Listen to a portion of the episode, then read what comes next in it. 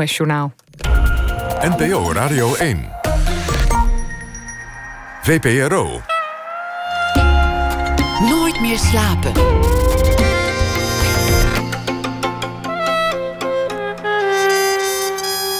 Met Pieter van der Wielen. Goedenacht en welkom bij Nooit meer slapen. Slaapprofessor Isbrand van der Werf komt op bezoek naar Ene. Hij schreef een allerminst slaapverwekkend boek. Iedereen slaapt is daarvan de titel. Een kwart van je leven breng je zo'n beetje slapend door. En van dat kwart weten we eigenlijk lang niet alles. Maar er is gelukkig een hoop dat we wel weten. En daarover gaat dat boek. Na Ene komt ook eh, Ivo Jansen voorbij. Hij is pianist en Bachvertolker. En Elfie Trom zal een verhaal voordragen over de voorbije dag.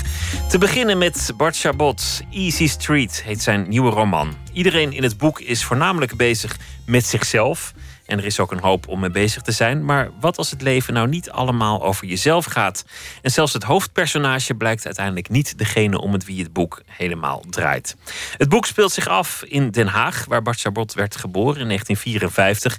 En hij is verknocht aan zijn stad. Chabot is dichter, schrijver. Twee jaar geleden verscheen een bundel, 60, met eh, de beste gedichten en verhalen ter ere van zijn 60ste verjaardag. Verder treedt hij vaak op. Op podia door het hele land. Hij is regelmatig op de televisie. En hij was een goede vriend, tevens de biograaf van Weilen Herman Brood. Bart Sabot, hartelijk welkom. Dankjewel, Pieter. Uh, leuk om er te zijn ook. Ja, leuk dat, je, dat je bent uh, gekomen. Avec plezier. Avec plezier. Iedereen in je boek is, is, is erg met zichzelf bezig en heeft, heeft weinig oog voor de ander. Ja, hoewel de hoofdfiguren zelf vinden dat ze natuurlijk wel goed bezig zijn. En dat ze wel. Dat vinden mensen altijd. Ja, dat vinden mensen altijd. Ja, daar zit een van, al gelijk al, heb je gelijk al een van de grote struikelblokken natuurlijk. Uh, men heeft uh, uh, niet altijd in de gaten waar men mee bezig is. dat gebeurt op alle niveaus natuurlijk. Dus ook in dit boek is dat zo, ja. Ehm, de hoofdfiguur Linda. denkt ze probeert een goede moeder te zijn voor haar puberzoon Tommy. Maar schiet natuurlijk eigenlijk schromelijk tekort. Uh, toont geen echte belang, geen wezenlijke belangstelling voor haar zoon. En dat geldt eigenlijk voor alle hoofdfiguren in het boek. Men leeft langs elkaar heen. Relaties knappen, relaties uh, worden daarvoor in de plaats weer uh, op, opgestart. Mensen gaan vreemd, mensen hebben vriendschappen, mensen zijn buren, mensen gaan dood, mensen gaan op vakantie. Er gebeurt van alles en iedereen loopt op alle mogelijke manieren vast. Het werk gaat eraan, want de zaak gaat failliet. En, en terwijl het leven zo'n bende wordt, verliezen mensen, hoe, hoe meer ze het juist nodig hebben, die vaardigheid om wezenlijk naar de ander te kijken. Ja, dat is een beetje een plaag van deze tijd ook. Vind je dat? Ja, het boek is ook in zekere zin een moderne zedenschets, zou je kunnen zeggen. Ik heb echt goed om me heen gekeken. Um, um, ik heb, ik heb, daar moet ik eigenlijk bij, als het ware verduidelijken... dat ik heb natuurlijk heel lang geschreven over sterren. Het begon met Gold Earring. Dat, dat had een hoogtepunt in Herman Brood, natuurlijk, de biografie.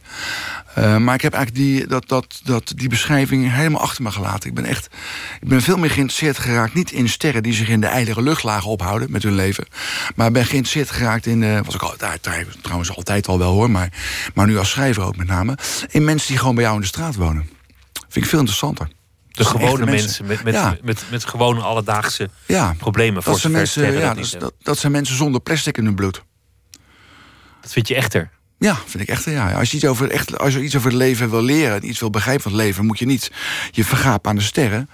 Uh, maar moet je je eigenlijk uh, om je heen kijken. Uh, de mensen hoe documenteer je dan voor de, voor de gewone mensen? Hoe, uh, hoe, hoe doe je onderzoek om, om, om dat goed te observeren? Nou ja, ik, ik, kijk, je bent mij natuurlijk gewend, op televisie zeker... als iemand die veel praat. Dat komt dat ik natuurlijk vragen krijg die moet beantwoorden. Maar ik ben het echt, in het echt praat ik helemaal niet. Ik zeg dagelijks niks. Ik, heb een, uh, ik kan juist heel erg goed luisteren. En uh, goed kijken. Uh, talenten die ik ook heb aangeschept in de loop van de jaren, die ik heb ontwikkeld. En ik beschik juist over een zekere mate van uh, empathie voor anderen. Dus dat wat ik gedaan heb. Ik goed geluisterd afgelopen jaar en goed gekeken. Uh, ik kan, uh, ben, ben aardig in staat om conversaties ook te onthouden, dialogen te onthouden. Uh, ja, en dat, en dat werpt nu zijn vruchten af natuurlijk. De, de dialogen zijn heel, heel erg van nu. Het is het taalgebruik ja. van het heden, heel levensecht. Ja. Het zijn bepaalde zinsconstructies die, die je meent te herkennen. Ja. Ga je dan in een café zitten en mensen half afluisteren? Of, of hoe doe je ja. dat? Ik ook natuurlijk mijn eigen gesprek die ik voer. En waarbij ik dan de vragen stel meestal. En hoe gaat het nou met je? Weet je wel? Wat zijn je plannen? En, wat en, uh, maar ook uh, wat ik hoor om me heen. En gesprekken die je beluistert. schoolplein. Bijvoorbeeld een heel aardige bron. Uh, terrassen, de cafés, uh, ja, restaurants, overal, uh, overal boekenwinkel, platenwinkels, modewinkels, weet je wel, vakantiestranden, uitgaansgelegenheden, overal waar mensen bij elkaar komen, er wordt, is sprake van communicatie. En daar kan je, kan je dus, kan je, dus um, je licht opsteken. En, ik, en ja, ik, als ik het niet kan onthouden of denk niet kunnen onthouden, schrijf het gelijk op. Dus uh, om bijvoorbeeld te geven, in het, in het boek zit, zit een grote passage over een vakantie in Noorwegen. Uh, dan, dat, die vakanties die uh, vonden plaats uh, inmiddels alweer twaalf jaar geleden. En ik heb allemaal, dat allemaal opgeschreven. Dat kan ik niet meer natuurlijk uit mijn hoofd onthouden. Heb ik allemaal opgeschreven toen de tijd, notitieblokjes. En dan kon ik allemaal gaan raadplegen voor het schrijven van het boek. Van, dus, van hoe kom je van, van de ene plek naar de ander? Hoe ziet die vier pont eruit? Uh, hoe, ja. hoe, lang is het rijden? Wat voor landschap is het? Dat schrijf je ja. allemaal op. Ja, hou ik allemaal bij. Ja, ja. ja dat moet wel kloppen. Kijk, je mag, je het hoeft niet allemaal natuurlijk op de millimeter goed te kloppen. Ik bedoel, je mag ook uh, je wel een dichtelijke vrijheid permitteren. Maar het moet, het moet zozeer kloppen dat de lezer die het leest het gevoel heeft: dit klopt. Die man is daar werkelijk geweest. Ja. Zo ziet het er daaruit. Het grootste deel speelt zich af in, in Den Haag, jouw stad. Ja, ik ben daar natuurlijk geboren, zoals je al bij het introductie memoreerde, terecht. Uh, ben nooit uit de stad weg geweest, nooit eigenlijk. Mijn hele leven in die stad gewoond. En je mag ervan uitgaan dat ik ook daar uiteindelijk in de grond zal gaan. En dat ik niet meer me uh, zal niet meer me zal verwijderen van die stad. Uh, daar wel zal blijven tot aan mijn laatste snik. Je Omdat houdt nog, van die stad? Ja, het is een stad die me ontzettend goed bevalt. Uh, dat heeft te maken met uh, de mentaliteit. Die is nuchter. Ehm, zit tussen Rotterdam en Amsterdam in. Uh, we houden wel van het hogere, zal maar zeggen, en van het, de, de borst vooruit, zoals Amsterdammers nog hebben. Maar we houden ook van handen uit de mouwen steken, wat ze in Rotterdam meer hebben. Dus we, begrijpen beide werelden in Den Haag. En daarnaast is het de enige stad aan zee. En uh, de zee is natuurlijk een, een heel hef, althans in ieder geval op mijn in geval heel erg onnuchterende, relativerende werking. Waarvan je kan denken in de stad dat het allemaal heel erg belangrijk is. Binnenhof, macht, koningshuis. Daar, dat is natuurlijk 10 kilometer of 7 kilometer verderop. Als hij aan het strand is het natuurlijk het einde van het vasteland van Europa. Is het, is het allemaal natuurlijk ja, al een stuk minder belangrijk, om niet te zeggen totaal onbeduidend eigenlijk. Dus dat bevalt me heel erg goed. Terwijl je er niet gelukkig was als kind. De meeste mensen die ergens opgroeien waar, waar ze misschien niet de, de allerprettigste jeugd hebben, die maken zich uit de voeten. Die willen weg uit die stad. Die, die willen ergens anders naartoe. Ja. ja, maar ik vind je kan het beest beter in de bek staren. En niet, en niet voor op de loop gaan. Dus uh, de, um, ik, ik, ga voor niks op de loop. Ook niet, ook niet, voor, uh, ook, ook, niet voor het verleden. En ik sta het monster echt recht in de ogen. Want het is ook een monster. Ja, het is ook een monster, ja. ja. Nou ja, de, ja, laten we zeggen, mijn jeugd waar je aan refereerde... De, de, die was niet zonder, zonder meer uh, bijzonder prettig. Maar het heeft geen zin om daarvoor weg te lopen. De, dat komt, weet je, de spook uit het verleden komen, je weet, je, weet je altijd te vinden. Dus je kan wel, je, weet je, je, je kan je wel verstoppen, maar dat komt toch als een boemerang bij je terug. Zijn er momenten dat de stad je daarmee confronteert? Dat je op bepaalde plekken komt of, of mensen ziet of, uh, of, of door een bepaalde buurt komt en dat het, dat het terugkomt? Ja, ja ik, kan, ik kan het triggeren. Ja, ik, ben, ik ben opgegroeid in Bezuidenhout. En, um, op zich keurig. Ja, is een, een hele redelijke, ja, is een, een, ja, goede, degelijke middenstandswijk zou je kunnen zeggen. En uh, daar ben ik opgegroeid. En ja, daar kom ik nog steeds wel. In de Trezenstraat bijvoorbeeld. Ik woonde, wij woonden in de Wilhelminastraat. Dus een zijstraat ervan. Maar ik moet daar wel mee oppassen. Dat, ik, want ik, ik, ik schrijf weinig autobiografisch. Ik gebruik wel decors uit mijn eigen leven. Maar ik, ik kijk echt voornamelijk om me heen. En uh, uh, als ik het autobiografische toe zou laten, dan, uh, dan beland ik in een, andere, in een andere mindset waar ik op dit moment in mijn leven niet aan toe ben. Waar ik geen zin in heb ook. Je hebt geen zin om in dat, in dat leven, in, in je eigen leven, te diep te gaan graven. Nee, nee. Om terug te gaan naar die, die demonen. Nee. nee als, je dan, als je dan wel door zo'n straat zou, zou fietsen, wat je vast wel eens gebeurt. Of was het maar omdat je misschien de kortste weg nodig hebt, of, of omdat je niet opletten en ineens je fiets zichzelf lijkt te sturen? Wat, wat, wat, wat doet nou, het dan? Ik weet het, ik moet je zeggen, de topografie vandaag aardig natuurlijk. En ik weet het, die straten aardig te vermijden, jongen. Dat lukt me aardig. Wat zou er dan gebeuren als je het wel deed? Wat, wat, wat, wat komt er dan boven? Nou, dat is een onaangenaam gevoel. En, uh, en uh, allerlei dingen uit het verleden komen dan weer, worden weer tot leven gewekt. Uh, die sluimert natuurlijk toch al in mijn bestaan, uiteraard. Maar die worden getriggerd door, uh, door, uh, door de straten, de huizen, decorstukken, ehm, gebouwen, bomen, straatlantaarns, snackbars, cafés, winkels. Het stratenplan. Het, het is allemaal een, een soort van um, een gebied om te vermijden. Wat maakte jou zo ongelukkig in die tijd? Wat, wat, wat is er zo naar aan die herinneringen? Nou ja, ja te veel om op te noemen, uh, Pieter. Ik bedoel, dan, dan moeten we meerdere afleveringen nooit meer slapen, moeten we dan uh, eraan besteden. En dat lijkt, lijkt me niet de bedoedding. Um, als, ik, ik als je het zou moeten categoriseren, in welke nou, categorie ja, het was? Het was een mislukte jeugd. En, uh, en ik heb mijn leven vanuit, vanuit de ruïnes weer moeten. Her, ik heb mezelf moeten heruitvinden. En mijn leven vanuit de ruïnes opnieuw hebben moeten zien op te bouwen. En dat is aardig gelukt. Het begon met een puinzooi. Maar wat is het moment dat je, dat je voor jezelf erkent, het is een mislukte jeugd? Wat is het moment dat je erop terugkijkt en, en, en dat stempel erop plakt? Nou, het is, dus eigenlijk, uh, realiseert er echt iets uh, ik aan het fout was. Ja, meerdere momenten. Ik, ik weet nog dat ik een, uh, op een gegeven moment, als, 21 was, zoiets, of 22, dat ik toen een jaar lang niet meer buiten ben geweest. Op straat. Dat ik dat niet meer, niet meer kon. En dat is, de dingen als de openbare ruimte was niet voor mensen zoals ik. Je durfde het niet meer? Nee, dat was, ik, vond het ook, ik vond ook niet dat ik daar recht op had om van de openbare ruimte gebruik te maken.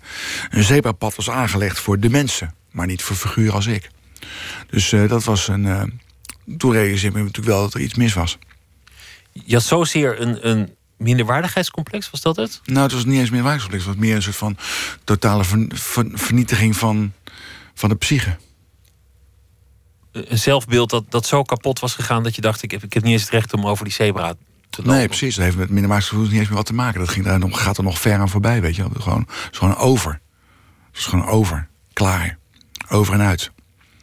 En van daaruit heb ik uh, dankzij, uh, dankzij een aantal mensen die ik in mijn leven ontmoette en die uh, in me geloofden, die hebben me daar uitgetrokken en overheen getrokken en uitgetrokken en, en er doorheen getrokken. En dat, nou, die, uh, dat, je noemde al even bij introductie. De ene van was Herman Brood, de andere was Jules Deelde en Anton Corbijn. zijn natuurlijk de belangrijkste mensen geweest in dat verband.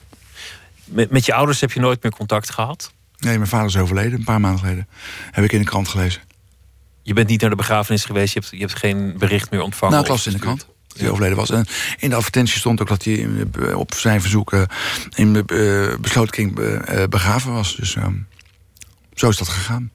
Wat ik ervan weet is dat zij op een zeker ogenblik zijn geëmigreerd en jou eigenlijk hebben achtergelaten. Dat, dat, dat er geen sprake van was dat jij mee zou gaan of, of, of wat dan ook. Nee, op zichzelf was dat een besluit wat wel te billijken viel. Zij, mijn vader werkte bij Buitenlandse Zaken eh, in Den Haag. En op een gegeven moment onder Max van der Stoel, minister van Buitenlandse Zaken...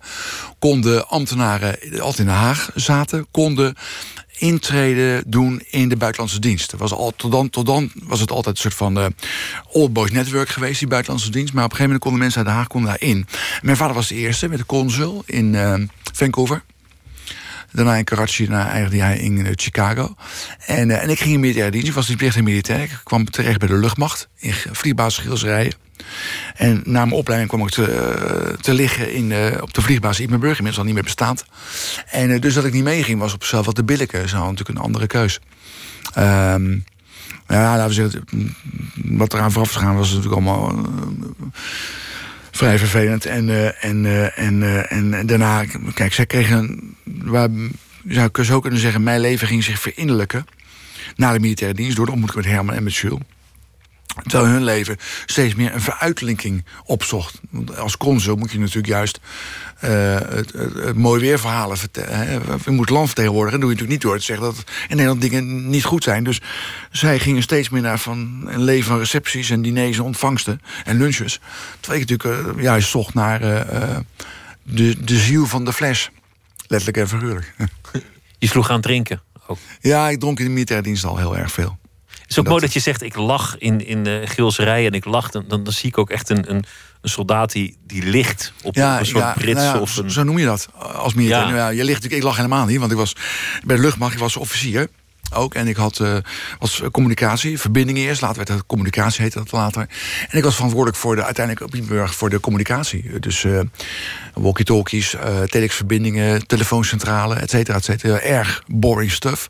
Zal ik de luisteraar niet mee vervelen, want het is al erg laat. Dus laat ik dat soort dingen maar niet verder oprakelen. Maar dat was mijn taak. En dat, was een, dat was werk wat ik in een staande positie, een zittende positie deed. Niet in een liggende positie.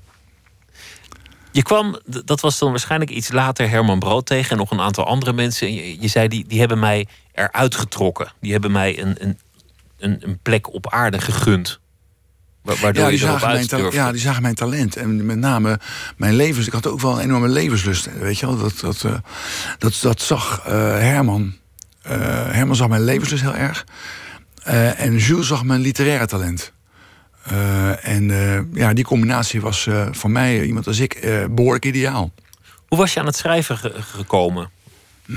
nou, ik... want, want ken ik schreef je wel al en, en ben je daar toch mee naar buiten gekomen dat, dat, dat je hen bent tegengekomen? Ja, ik, nou, ik las als kind al heel erg veel. Op de, wat toen nog heette lagere school, tegenwoordig basisschool. Las ik heel veel, ook middelbare school. Ik las echt alles. Ik bedoel, van Carl May en Biggles naar uh, uh, via Roald Dahl naar Iris Murdoch, Agatha Christie en, en, nou ja, later dan de groten. ik weet wel, een zomer lang Gerrit Reven las en een zomer lang Louis Couperus las en, en, en uh, Wolkers natuurlijk in Kremer. En uh, nou, dus de, de, de, grote dichters, Stouwhof, Achterberg, Lutjeberg, Kampert. En uh, veel Engelse literatuur. Iris Murdoch was ik een groot fan van toen de tijd. En ja, dus op, op Hunter Thompson en Hemingway. Dus wat, ik las heel veel. Maar later verschoof de focus eigenlijk naar rock and roll. Wat ik eigenlijk interessanter vond. En en dan met name ook natuurlijk de, tekst, de textuele kanten van de lyrics, zoals het dan heet. Hè. En, van de combinatie van, van rock and roll of, of, of alles wat aan verwant is, punk, met, met literatuur. Dat, dat was volgens mij wat jij in het begin. Ja, ik vond, het, ik vond het te gek. Met punk kwam mijn generatie aan het woord. Ik, ik voel me dus heel erg verwant met Sex Pistols, Elvis Costello. Um, en, uh, en, uh, en, uh, en ja, dat was een dat was een, uh, de birthday party met Nick Cave. En de television in New York, weet je wel. LP Marquee Moon. De Ramones, die hele attitude van ze. Je had daarvoor de Color Stones wel, maar dat, dat, was toch een hele verfrissende beweging. Die, uh, die, en je moet je even voorstellen voor de luisteraar. De jaren voor punk moesten wij gedwongen luisteren naar, naar Phil Collins. Nou, dat is geen pretje. Oh, vooral ook niet, want die gozer natuurlijk nummers schreef die een half uur duurden. Ben Genesis, uh, Gentle Giant, uh, Tull. Uh, nou ja, dat, kortom, muziek die, die, die was um, doodgelopen, rock'n'roll... op mensen die lieten zien hoe virtuoos hun instrument beheersten. En daar was in rock'n'roll natuurlijk nooit om begonnen. Het ging natuurlijk om de attitude en het ging om energie en levenslust en er tegenaan. En dat gold ook wel voor andere disciplines, want, want via de rock'n'roll gebeurde het ook in de literatuur. Mensen die niet mooi gingen schrijven, maar direct gingen schrijven. Ja, Jan Kramer was daar een goed voorbeeld van natuurlijk. Maar ook waar ik ook heel erg grote fan van was en bewonderaar van was. Maar Weet je, het was toch, ik, vond, ik vond toch die levenslust en die, die energy en kick some ass, vond ik toch meer in de, de rock'n'roll in de literatuur terug, eerlijk gezegd. Want ook in die jaren literatuur had je nou, ik weet wel op een gegeven moment dat Joost Vraagman pleit op een gegeven moment, wij de Joost, pleiten voor meer straatrumoer in literatuur, weet je, met anderen. En, uh, dus je kan wel nagaan hoe erg het dan aan toe is, natuurlijk. De literatuur vaak ook wel in Nederland natuurlijk eh, te maken met, laten we zeggen, ja, toch wel een zekere spuitjeslucht en navelstaarderij. En uh, er is natuurlijk een concentratie met, met, name op de ellende van de doorzonwoning in Almere. Hè, zal maar zeggen. Nou, daar had je in de punk geen last van. waren andere issues. Daar maar heeft, niks meer aan. Heeft het schrijven en het voordragen en het, en het worden van een dichter en, en een schrijver... eigenlijk jou, jou alsnog een, een, een, een uh, identiteit gegeven? Nou, het gaf me een doel en een bestemming. Een doel. Ja, ik opeens leerde ik, zag ik. Kijk, ik ging schrijven militaire dienst eigenlijk. Waarschijnlijk door het spanningsveld tussen de strenge hiërarchie van, de, van de, de, wat, wat een leger is uiteindelijk. En mijn redelijk vrije geest. En uh, dus uit het spanningsveld ontstonden teksten, korte teksten, die zagen er als gedichten uit. En uh, vervolgens uh, Punk los. In 76, eigenlijk iets daarvoor. Uh, en ik zag opeens mensen die gingen. Je had er heel veel optredens ook hè, in die tijd in Engeland. Natuurlijk een van mijn grote voorbeelden was natuurlijk John Cooper Clarke. En de andere was Linton Kwesi Johnson. Ook altijd uit de Stockbroker had je bijvoorbeeld. En je had een, een, een vrouwelijke dichter, uh, Jules toen de tijd. Nou, kortom, er waren mensen die mij inspireerden. Uh, en uh, ja, toen, toen dacht ik, ja, optreden eigenlijk, dat is eigenlijk, het gaat niet zozeer om boeken. Het gaat natuurlijk, je moet dus een publiek bereiken met, met wat je bedacht hebt. Dus optreden vond ik veel logischer als eerste stap dan, dan, dan een boek uitbrengen. Weet je? Dus ik, ik begon eigenlijk echt de jongerencentra. En, en daardoor kwam ik Jules natuurlijk tegen, Jules deelde tegen. En die zei laatst leuk van, ah, aardig wat je doet. Laatst hebben we wel meer gedichten in huis en zo. En, die, en Jules nam mij mee op optredens met hem. Maar dan heb je je wel over iets heen moeten zetten als je eerst niet eens de straat op durfde in een zekere fase. En dat je later op een podium ging staan en daar iets doen dat niemand op dat moment nog deed. Namelijk in die kringen poëzie brengen. En daar gewoon verkleed als jezelf te gaan staan en, en een gedicht voordragen. Ja, maar ik ben natuurlijk ook eigenlijk Pieter en ben ook een rock'n'roller in, in de kern. Dus ik heb overal scheid aan. Uiteindelijk. Ik bedoel, ga, ga het gewoon doen. We gaan niet bang, bang in de hoek zitten meer. We gaan het godverdomme doen. Dat is, dat is genoeg gebeurd. Ja, dat, nou, dat, dat staan kende ik wel. Weet je, bang in de hoek zitten, dat staan kende ik wel. Dus, uh, um, um, en zelfmoord heeft ook geen zin, weet je wel. Daar doe je jezelf geen plezier mee, laat staan de nabestaanden. Dus dat is geen optie. Dus ik uh, bedoel, uh, nee, je moet, je moet aanvallen in het leven. Niet verdedigen, aanvallen. Vooruit. Ja, je moet in de spits staan. En, uh, of in ieder geval linker of rechter vleugelaanvaller zijn. Maar je moet niet uh, verdedigende middenvelder zijn in het leven. Je noemde uh, de punk, de rock and roll, maar je hebt, je hebt gevraagd of we wat plaatjes wilden draaien. En, en je vroeg om Robert Johnson, Love in Vain. Ja, nou, ik heb natuurlijk ook geen gehad met het, met het uur op. We luisteren dit tot, tot zich of haar krijgt. Dus ik wilde de luisteraar niet gelijk. Ehm, allerlei dingen om de oren slingeren. Kijk, Metallica lijkt op dit moment van de dag wat veel gevraagd van de luisteraar. Dus ik heb gekozen naar uh, publieksvriendelijke muziek, maar die ik wel over heel erg goed vind. En Robert Johnson is uh, een van de grondleggers, zou je kunnen zeggen, samen met Charlie Patton van de Amerikaanse blues. En, uh, en fascinerende figuur, niet oud geworden, 29, is vergiftigd. Door, Robert Johnson was een troubadour, trok rond, trad heel veel op in, in honky tonks en in juke joints en zo. En, uh, dus tenten waar zwarte mensen over algemeen bij elkaar kwamen en uh, dronken. En hun uh, kantoen, kantoenplantages, dus hun, hun, verdriet en hun leed wegdronken. rough stuff, rough audience. En, uh, en hij uh, was, laten we zeggen, niet getrouwd. En dat, dat single zijn uh, vierde hij nogal. Maar op een dag liep hij tegen de verkeerde op. Dat was niet. De, hij, ging deelde bed met een heel erg leuke vrouw, ongetwijfeld. Maar de man van die vrouw kwam erachter. En die was minder gecharmeerd van Johnsons aanvances. Dus die heeft hem vergiftigd.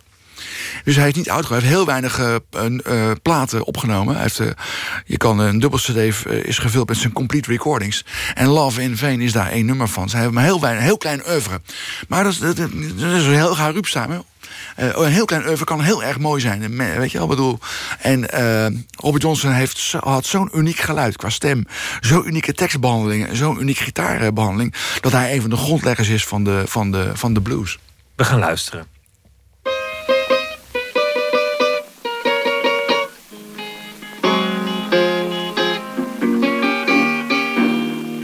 I followed her to the station with my suitcase in my hand.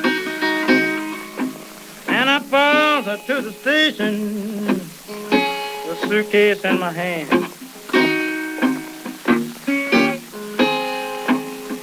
Well, it's hard to tell, it's hard to tell. When all your love's in vain, the train rolled up to the station and I looked her in the eye.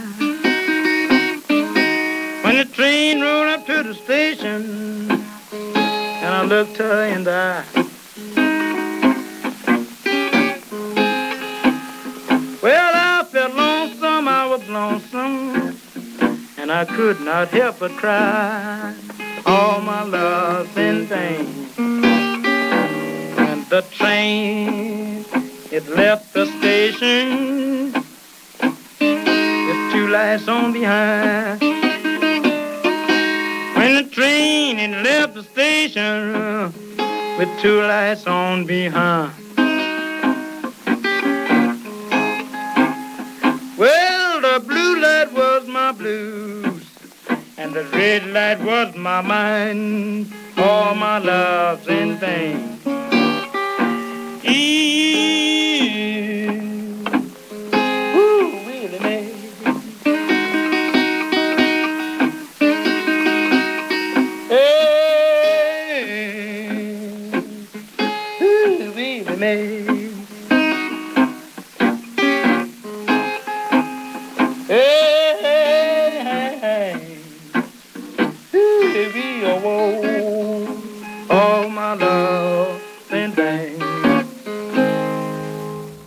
Love in Vain van Robert Johnson. Bart Chabot zit tegenover me en die koos dit uit. Easy Street is de reden dat we praten. Zijn, zijn eh, nieuwe roman is dat. Je noemde meteen al een aantal eh, vrienden. Jules Deelder, je noemde Joost Zwagerman, je noemde Herman Brood. Je hebt, je hebt meer vrienden voor het leven van Ja. wel eer. Anton Corbijn is Ja. volgens mij eh, een van je allerbeste vrienden. Ja. Ook, ook een Hagenaar. Ja, ja, inderdaad. Ja.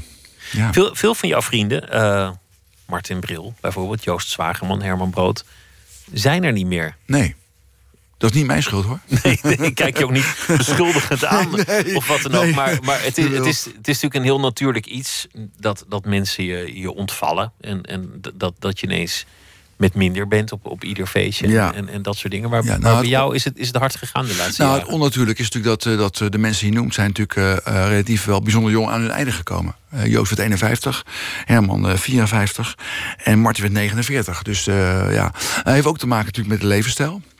Niet alleen, in het geval van Joost ligt het iets anders natuurlijk, maar levensstijl. En ja, weet je, in, in de rock'n'roll ligt het, het tempo iets hoger... Dan, eh, dan dan wanneer je in de verzekeringsbranche werkzaam bent. Dus eh, er past ook een iets andere levensstijl bij. Dus eh, ja, de, de, het uitvalpercentage is iets hoger in de rock'n'roll dan onder ambtenaren. Dat geldt zeker voor Herman Brood, die, die misschien lange tijd wel, wel vaker gememoreerd werd vanwege zijn levensstijl dan vanwege zijn eigenlijke verdiensten. Namelijk de muziek en de kunst die hij die, die maakte. Ja, dat is, dat is de, de- een, een droef, droef lot. Want hij verdient natuurlijk juist de credits voor zijn kunst. Komt nu wel weer terug. Inmiddels, terug, inmiddels ja. wordt hij minder vaak Ja. omschreven als, als eh, eh, de druggebruiker. Ja. Die, die natuurlijk ook best wel was. Maar Ja, natuurlijk was hij dat. Maar ik bedoel, hij was zoveel meer dan dat. En het, eh, drugsgebruik was natuurlijk eh, in feite een, eh, een kantlijn in, zijn, eh, in, zijn, in, zijn, in de, de waarde van wat hij gedaan heeft. Hij was natuurlijk een groot, een groot componist, muzikant, tekstschrijver. een geweldig theater of een podiumdier. een rock'n'roller puur zang. Maar ook een geweldige beeldende kunstenaar. Een geweldige tekenaar en een geweldige schilder. En eh, ik heb me ook nooit zorgen gemaakt over dat dat niet weer naar boven zou komen. Hoor. Ik bedoel, het werk, zijn beste werk is zo sterk, komt altijd naar boven. Maar het kan wel lang duren natuurlijk. En daar, heeft natuurlijk, eh, daar is natuurlijk ook eh, eh, niet elk besluit in de, wat Herman nam en wat het management nam, was natuurlijk heel wijs. Waar het gaat om het, het, het, het, het promoten van Hermans kunst. Het, het weggeven van zeven drukken bij Pak Robijn wil in de kunstwereld niet echt een visitekaartje zijn. Zal maar nee, de, de grote overzichtstentoonstelling komt daardoor niet dichterbij, per definitie. Nee, kijk, het, probleem met- Herman en zijn werk, zijn beeldend werk, is natuurlijk dat, de schilderijen, met name, dat er heel veel vervalsingen in omloop zijn. Kijk, en musea zijn als de dood voor het aankopen van een vervalsing. Wat me ook goed, heel goed kan voorstellen. Van, eh, van, eh, bij, als je bij een museum woont en je eh, werkt en je, en, je, en je koopt een schilderij van Herman aan voor eh, nou, 50.000 euro. En het is gemaakt door Pietje in Purmerend.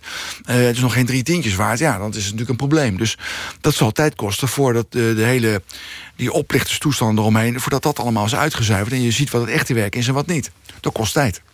Maar als dat helemaal klaar is, als dat helemaal eh, duidelijk is, dan eh, gaat Herman echt eh, gaat een postuum grote, grootste toekom- toekomst tegemoet. Als schilder. Voel jij het als jouw taak om, om je vrienden levend te houden? Als, als het gaat over Herman, als het gaat over Martin Bril. Nou, weet je, nou, zo, ze hebben, degene die noemt, hebben allemaal kwaliteiten eh, gehad en dingen neergezet die, waarmee ze zich verzekerd mogen weten van een voor constante aandacht, ook postuum. Maar voor het geval dat in Nederland iemand is rondloopt die het zou kunnen vergeten, help ik zijn handje eh, herinneren. Dan ben jij er nog. Nou, heb ik altijd, heb ik altijd wel weer een, een moment om. eh, eh, ja, ik vind. ja, ik, ja, ze zijn me ontzettend dierbaar geweest. Ze hebben voor mij heel veel gedaan. En ze zijn me uitermate dierbaar. Dus ik, ik, ben, ik, ben, ik ben iemand die dat niet vergeet. Wat iemand voor mij gedaan heeft. Ik vergeet dat niet. Je hebt wel eens mensen die vergeten dat wel. En doen alsof ze het allemaal zelf ontdekt hebben. Maar ik weet heel goed waar ik vandaan kom. Waar ik, hoe ik begonnen ben. En wie daarbij een leidende sturende hand hebben gehad. En die mensen vergeet ik niet. Dan ben je trouw, ook al is Ja, iemand ik ben eh, heel erg trouw. jou ontvallen. Ja, maar de vriendschappen die ik heb zijn lang, zeer langdurend. Uh, bijvoorbeeld, wij kennen elkaar nu 38 jaar. Uh, Herman Brood uh, had ik natuurlijk, was ik natuurlijk mee doorgegaan. 24 jaar. Uh, Jules ken ik ook al natuurlijk al 38 jaar, weet je wel. Dus ik bedoel, ja, ik ben in voor de long run. Ik ben bijna 29 jaar, volgende week 29 jaar getrouwd bijvoorbeeld. Ik ben in voor de long run, ja. Ik ben loyaal iemand. Je moet een heel bond maken, wil je mijn vriendschap verspelen. Dat kan overigens wel, maar moet je best doen. Zelf ben je ook een aantal keren op een punt geweest dat, dat je, dat je de, de, de man met de zeis als het ware in de ogen keek. Ja. Eén uh, keer was het een, uh, de, de, ontdekking van een wat later bleek goedaardige tumor in je hoofd. Mm -hmm. De andere keer waren het uh, hartritmestoornissen. Nog ook een, een, moment dat, dat je schrikt en ineens die medische molen ingaat. Ja. Heb je je levensstijl grondig moeten aanpassen? Ja. Ja. Ja. Het is uh, al sowieso uh, zo dat je natuurlijk uh, met de hersentumor. weet je, kijk, ik had een goedaardige tumor. een bruggoedtumor is een goed, in essentie goedaardige tumor. Alleen, dus het probleem is niet zoals mijn kanker dat het doorvreet. Dat is bij een bruggoedtumor niet zo. Alleen het probleem van een bruggoedtumor is dat die groeit. En groeit. En groeit en groeit. En je begrijpt dat in je hoofd is natuurlijk bij je hersenen is maar zoveel ruimte. Aan die capaciteit komt een end aan de ruimte. En uh, bij mij was later ontdekt, ik had een tumor van 9 kubieke centimeter. Dat is een forse bitterbal in je hoofd. Dus die drukte de kleine hersenen in en de hersenstam. En dat laatste, die laatste kun je weinig hebben. Want het lopen de primaire functies. Dus uh, toen bij mij werd geconstateerd, had ik nog twee maanden om iets aan te laten doen. Dus er was haast bijgeboden. Dus dan maak je om te beginnen de balans op van je leven. Dan ben je vrij gauw uit. In ongeveer 30 seconden ben je daar wel uit. Wat, waar gaat het om in het leven? Het gaat punt 1 om liefde. Nou, dat is met name natuurlijk het gezin, je partner en je kinderen. Dan op twee vriendschappen. Op drie komt niks, op vier komt dood, op vijf komt dood niks, op zes komt werk. Draai het in, in je leven die volgorde om. Bij één werk, twee niks, drie niks, vier liefde. Ben je laat, als, je, als je daar later in je leven achterkomt, ben je zwaar de lul. Want dan kan niet meer zo makkelijk omkeren. Dus dat is, dat is één ding. Dus je leert de prioriteiten in je leven nog eens een keer heel erg goed onder ogen zien. Daarnaast met, met het hart met name. Vorig jaar de eerste keer met uh, de boezemfibrillatie. Uh, dan zegt de cardioloog tegen ja, hoe leef je eigenlijk? Ja, dat kan niet meer zo. Dus drank, stoppen. Roken deed ik niet, maar moet je sowieso stoppen natuurlijk. Uh, koffie stoppen, cola stoppen, energiedrankjes stoppen. Veel slapen, agenda leeghalen. Broodjes hamburger eruit, de, ja. nou ja, ga zo maar door. Ja, ga zo maar door, ja. Eigenlijk gezond leven.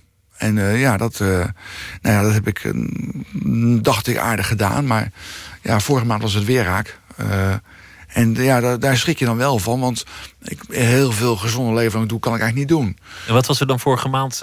Ja, opnieuw die boezemfibrillatie. Dus opnieuw uh, cardioversie gehad. Zo'n stroomstoot die je dan krijgt. Stroomstoot die dan weer, weer ja, herformateerd. Ja, je hart even stilgezet. Dat klinkt, maar het valt wel mee allemaal. Ja, daarbij ben je er zelf niet bij, je bent onder narcose. En dan krijg je een stroomstoot. Je kent het uit de Amerikaanse series, ziet toch wel eens. En dan wordt je hart gereset. En dan kan je weer door. Dus op zichzelf is het allemaal wel te overzien. Moet wel lukken, natuurlijk, zo'n reset. maar je begrijpt, dat is nu de tweede keer binnen 13 maanden. Je moet daar, daar kan je natuurlijk ook. Ja, je kan er wel een gewoonte van maken. Maar op een gegeven moment zegt de cardioloog van.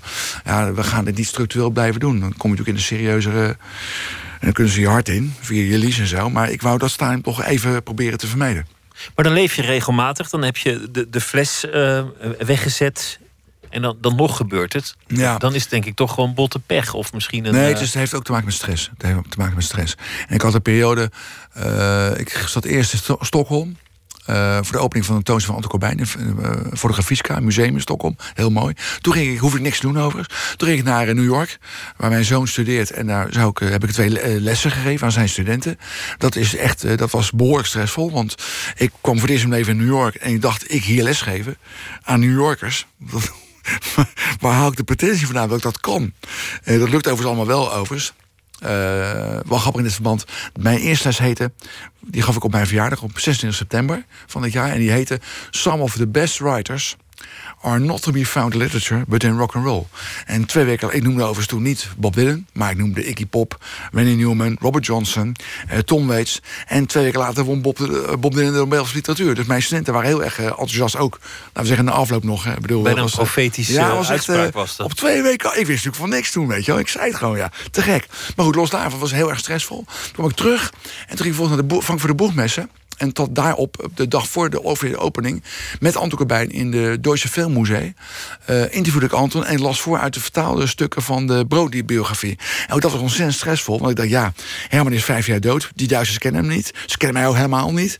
En dan ga ik opeens hier in het Deutsche Filmmuseum, waar een film van Anton wordt vertoond, Moos wat Men, ga ik Anton interviewen. Maar daarvoor ga ik stukken voor op Antons verzoek namelijk. Ga ik, dat gaat, gaat nooit goed. Dat was helemaal te gek. Maar dat is zo stressvol. Dat is zo, dus ik denk achteraf dat dat allemaal mijn part heeft gespeeld. In je werk is wel van alles veranderd sinds die, periode van ziekte. Eerst, eerst de, de, de tumor in, in je hoofd, die, ehm, die er volgens mij ook nog wel zit, toch? Ja, die zit, ik ben bestraald. Ik ben niet geopereerd, ik ben bestraald. Die zit er nog gewoon, ja. Want als je, als je dat had laten opereren, dan, dan, dan had je allerlei dingen moeten inleveren. Zoals, als één oor. Ik bedoel niet letterlijk het oor, maar het gehoor. Ja. Nou, ik moet je zeggen, Pieter, ik had geen enkel vertrouwen in die operatie. Het, uh, in de, met name in de arts die die operatie zou volvoeren. Ik, had er geen, ik was in Leiden en uh, draag verder niemand aan een kwaad hart toe. Maar ik had er echt totaal geen, totaal geen vertrouwen in. En dan moet je niet aan beginnen. Want dat gaat ook fout, weet je. Het is een, je had geen zin om je open te laten maken. Ja, ik vond het echt een ontzettend... Zoals hij erover sprak, hij zei uh, letterlijk... wordt een zware riskante operatie, maar wij beheersen dat kunstje. Dat, dat, al, dat, kunst, dat kunstje bestond eruit dat hij eerst zei, hij, zou hij mijn oor lossnijden. Dan zou hij een luik in mijn schedel zagen. En vervolgens zou hij het hersenvlies openknippen. En, en dan dan kunnen we naar binnen. Nou, dat vond ik een weinig uh, uh, uh, mij motiverende gang van zaken die hij schetste. Dus ik dacht, als ik daar niet in terecht kom, ben ik een spekkoper. En toen bleek mij, door een relatie met een bevriend neuroloog... die zei, nee, je moet een keer, nee, je moet een keer je moet naar Gamma Knife in Tilburg, een ziekenhuis. Dat is een, daar krijg je een stereotactische bestraling. En dat, dat is een eenmalige bestraling, in mijn geval anderhalf uur duurde dat, dat geintje. En dan krijg je alleen maar een stalen masker op je hoofd geschroefd. Dat is op zichzelf ook geen lolletje, maar er valt te overzien. Dan zie je, als je jezelf in de spiegel ziet, zie je eruit als een soort van uh, Hannibal Lecter in Silence of the Lambs, maar dan de goedaardige variant ervan. Dat is allemaal te overzien. En dan ga je, en ga je weer naar huis. Je moet niet helemaal vragen hoe je in wat voor staat je dan bent, maar je gaat gewoon naar huis. Dus dat, dat, dat, vond ik een, eh, een, dat vond ik een fluwele benadering. Vergeleken met die operatie. Daar heb ik voor gekozen. En dat is ook goed uitgepakt. Hoe is je leven veranderd en, en hoe is je werk veranderd? Want, want daarvoor was je voornamelijk dichter. Je schreef biografieën. Je, je schreef heel erg over die rock'n'roll. Ja. Nu ben je, ben je voornamelijk volgens mij bezig met, met romans schrijven. Ja. Niet meer over de sterren, zei je net, maar over de gewone mensen. Ja, mensen die in de straat wonen, ja. Nou ja, weet je, het punt is, Pieter, dat uh, we hadden even een tussenbalans opmaken. Waar gaat het om in het leven? In mijn leven, ik was natuurlijk schrijver. Maar de mensen kenden mij van televisie. Want daar ging ik altijd rond. Van quizzen tot Paul Witteman en Baart en Verdorp, noem maar op. En dat deed me ontzettend veel plezier. Jarenlang. Ooit oh, denk ik zo'n 30 jaar. Weet je, dat ik op tv heb rondgehangen en, en theater ook gedaan heb. En zo. Dat, is allemaal, hartstikke leuk. Alleen, je kan niet alles. Ik heb altijd tegen mijn vrouw gezegd van ja, ik wil alles. Maar je kan niet alles, dat heb ik wel gemerkt. Dat houdt een keer op. De energie en, de, en, en het lichaam zeggen op een gegeven moment... ja, jij kan van alles willen in je bolletje. Maar het lichaam eh, gaat even, even in de ruststand, als je het niet erg vindt. Dus je, je moet kiezen. En ik heb, ik, ik, ja, mijn, de, de hele, mijn hele wezen was natuurlijk het schrijverschap. En, uh, dus ik heb uh, besloten om met televisie zo goed als te stoppen. En theater, heel kleinschalige tonees. Ik, doe, ik werk met, samen met één iemand, Ronald Gippard. Die toen nog kende de tijd met Martin, maar met z'n drieën. En we hebben gezegd met z'n tweeën, Ronald en ik doen een Bob Dylan uh, tour. Wij zijn met z'n tweeën, gaan wij door tot een van z'n tweeën erbij neervalt. We doen onze maar eigen never-ending tour. Je was eigenlijk voor een groot deel een performer geworden. Een, hm. een artiest op het hm. podium, een artiest op televisie, een, ja. een persoonlijkheid prachtig. Is natuurlijk ook eervol. Is ook leuk. Ja, maar het is voor een schrijver natuurlijk zet geen zoon aan de dijk. Je hebt geen nalatenschap. Nee, want dan kom je, dan ga je de pijp uit en dan zeggen mensen, ik bedoel, je kan, dan kan je zeggen, nou, niet, niet belangrijk allemaal, maar, maar dan, kan je, dan wordt de balans opgemaakt. En dan zeggen ze, ja, Chabot, ja, ja, reuze mee gelachen. Toen die avond in Winschoten in dat theater De Storm in Wins, of in Winterswijk, theater De Storm in de, de pannen ging van het dak af. Nou, punt 1 is dat geen verdienste, want een dag later komt, uh, bij wijze van spreken, komt, uh, komen de vliegende panthers langs. En dan gaan de, dakpannen gaan er weer vanaf. Dus zo verdienst is het niet. En als je, als je, als je na je optreden omtreedt in je kleedkamer, je verlaat het theater, ligt het dak er gewoon weer op. Dus is, wat, wat, wat, wat, is de winst? Behalve dat een aantal mensen daar natuurlijk een leuke avond gehad hebben. Maar uiteindelijk is voor een schrijver de balans: wat heb je geschreven? Wat zijn de boeken die je geschreven hebt? Wat, en wat is daarvan wat beklijft? Wat is je oeuvre? Wat is je oeuvre, ja. ja wat is je oeuvre, precies. Ja. En mijn oeuvre was te gering. Uh, het is wel, het is wel uh, kwantitatief is het wel veel, veel dichtbundels. Maar uh, ik, ik miste echt de, de, romans in. En de romans is, ja, dat is toch een soort van lakmoesproef. Kan je het echt? Kijk, gedicht schrijven, dat is... Gedicht, ik bedoel, kijk, ik ben dichter, dus dat is niet zo moeilijk. Die dingen komen gewoon. Dus dat vind ik niet zo verdienste. Maar als dichter een roman schrijven, dat is een andere discipline, een andere tak van sport. Een roman schrijven. Dat vereist heel andere tools. En uh, daar, daar, wil ik me in bekwamen. En ik wil dat gewoon van elkaar zien te krijgen. En dat begint te lukken. Dat begint te lukken. Was het, eh, wa- wat was het dat je, dat je eigenlijk al die dingen op tv deed? Los van dat, dat, dat het eh, altijd makkelijker is om ja te zeggen dan nee te zeggen. En dat het ook altijd wel gezellig is en dat het aardige mensen zijn. Maar dan ben je bij So You Think You Can Dance of, of eh Waku deed, eh, Waku of ja, ik deed Dance with the Stars. Deed ik. Dance Ja, with ja. the Stars. Of, En of, eh, Wakko inderdaad. Ja. En, en ik heb alles Ja, ja. gedaan. Tien vertaal. En echt alles. Ik heb alles gehad. Alle, elke quiz heb ik gehad. En eh, vaak ook meer dan één keer. Ik heb Wakko Wakko meerdere keren gedaan. En gewonnen trouwens. Maar goed, dit terzijde. maar wat, wat was het? Wat was de aantrekkingskracht? Ja, ik zeg, punt 1 is, je wordt in de televisie een warm bad. Mensen zijn aardig, mensen zien Ja. je graag komen. Ja, ja, je bent ontzettend welkom. Ja, dat was. Van, ik schets in het begin van ons gesprek even waar ik vandaan kwam. Dus voor mij om ontzettend welkom te zijn, was voor mij een ontzettend eh sterk eh, lokaas. Want ergens zat nog steeds dat gevoel dat je niet welkom was. Ja, ja, ja. Ja. Dat, dat, je, dat je het niet eens waard was Ja. om, om een zebrapad over te steken. Ja, ja dat, had ik- dat had ik wel achter me gelaten. Maar het, eh, het is toch heel erg prettig om te merken dat mensen echt heel echt oprecht blij zijn dat je er bent. Weliswaar dat ze je kunnen gebruiken in een programma. Maar dat, dat- oké, ze zijn toch op het moment dat je binnenkomt, st- stapt, zijn ze echt blij. Het eh, betekent niet zoveel, ik heb gemerkt bij televisie, maar dat is weer een ander verhaal. Maar ik heb ook jarenlang mee te gaan, je bent heel erg welkom. Dat is een prettig gevoel. En de televisie kost mij ook geen moeite. Het, gaat, het ging me makkelijk af. En, er- en er hangt toch een soort zweem van succes aan het zijn op televisie. Dat is heel merkwaardig, want, want, want ja, wat heb je nou helemaal gedaan? Maar, maar mensen zeggen Ja. als, je, als je een paar keer op tv bent... het gaat goed hè met jou. Ja, ga goed met jou, ja. ja Terwijl, dat is helemaal ja. niet gezegd natuurlijk. Ja, nee, maar nee, dat, nee, je kan op tv heel vaak zijn, dan gaat het eigenlijk heel erg slecht met je. Ik bedoel, dat is... eh, is geen kausaal verband tussen de twee. ja, nee, nee, nee, nee. Dat is, dat, men- mensen zijn natuurlijk geneigd om te kijken naar de succeskant. Als, je, als jij zin om, eh, of, of behoefte om, om jezelf te laten zien... aan de mensen die jou vroeger niet hadden gezien... Mm. degene die, die het niet in jou zagen... Nou, ik had wel de behoefte om te laten merken dat ik natuurlijk wel wat kon. Dat wel, maar dat je bestond en, en het waard ja, was. ja, en dat natuurlijk, eh, er zijn natuurlijk heel veel mensen geweest in mijn, eh, mijn, mijn verleden, vanuit mijn jeugd, die natuurlijk mij natuurlijk niks vonden. En eh, er wordt nooit wat met die gozer, weet je wel. Die, Dus het verhaal over, over een van jouw leraren. Die, die nog voor je de stad, of de, de, het lokaal binnenkwam en zei: Chabot, opdonderen. ja, nou, dat klopt, dat is historisch waar, ja.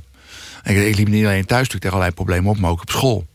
Was Ik ben ook voor school gestuurd en dan moest van HBS naar Mulo en allemaal. Dat hangt vaak samen. Maar dan is Ja. het misschien als je op tv bent toch ook een, een, een tong uitsteken naar degene. Ja, nou, het is wel prettig. Ja, het is wel een prettige bijkomstigheid. Het is wel bijvangst, ja. Ja, ja nee, dat was zeker wel een prettig idee.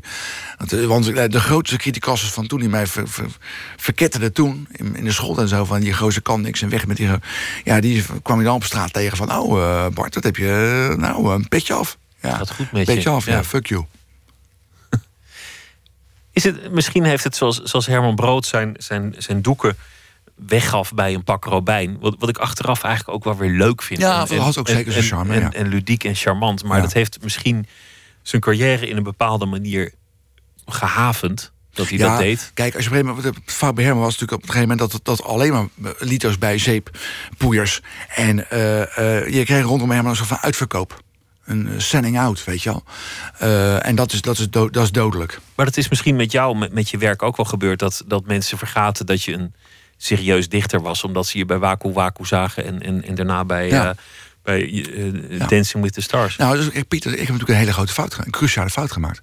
De cruciale fout die ik maakte door op televisie te komen was. Ik, ik schreef en ik onderbrak het schrijven om op naar de tv te gaan. Weet je wel? Dus voor mij was televisie een uitstapje. Een tussendoortje. Anders zit je maar de hele dag binnen te typen. Ja, ja. Ik ga even een dagje uit, weet je wel. Leuk, tv, even tv maken, even quiz doen, weet je, hartstikke leuk. En, eh, en geen enkel probleem. P- punt is, wat ik vergat was, dat mensen zien natuurlijk alleen maar die beeldbuis. Dus er ontstaat een totaal vertekend beeld van wat je doet en wie je bent. En het- mijn fout was A, dat ik dat niet onderkende. En de tweede fout was dat ik niet in de gaten had... dat als eenmaal dat beeld is neergezet van dat je op televisie zit voortdurend... dat je nooit meer kan, aan de mensen kan, dat kan bijbuigen nadat je schrijver bent. Als je dan zegt, ja, met mijn eigen schrijver... zeg ik, oh leuk, je hebt een hobby. Begrijp je wat ik bedoel? Het is dus bijna niet meer bij te buigen. Dat, eh, daar worstel ik nog steeds mee. Om dat, om dat beeld bij te stellen. Heb je gebrek aan erkenning als schrijver? Nee, helemaal Voelt dat niet. zo? Nee, nee, voor mij, nee totaal niet. Nee, helemaal niet. Omdat de mensen die, die, waarvan, ik, waar- waarvan ik de mening waardeer en apprecieer... die zien mijn werk ontzettend zitten. Ehm, en dat zijn met name eigenlijk eh, collega-schrijvers. Dat, dat, daar is de waardering heel erg hoog onder. Ehm, mijn, de waardering onder critici is in mijn geval wat minder. Zwak uitgedrukt. Maar dat is dan ook een categorie eh, waar ik nou uitgerekend ook niet zo heel veel mee heb. Dus dat komt goed uit. Hm. Je wilde ook iets horen van Nick Cave. En uh, er is natuurlijk veel dat je, dat je kunt draaien van Nick Cave. Maar ja. uh, we gaan luisteren naar het titelnummer uit 2013, Push the Sky Away, van ja. zijn album van toen.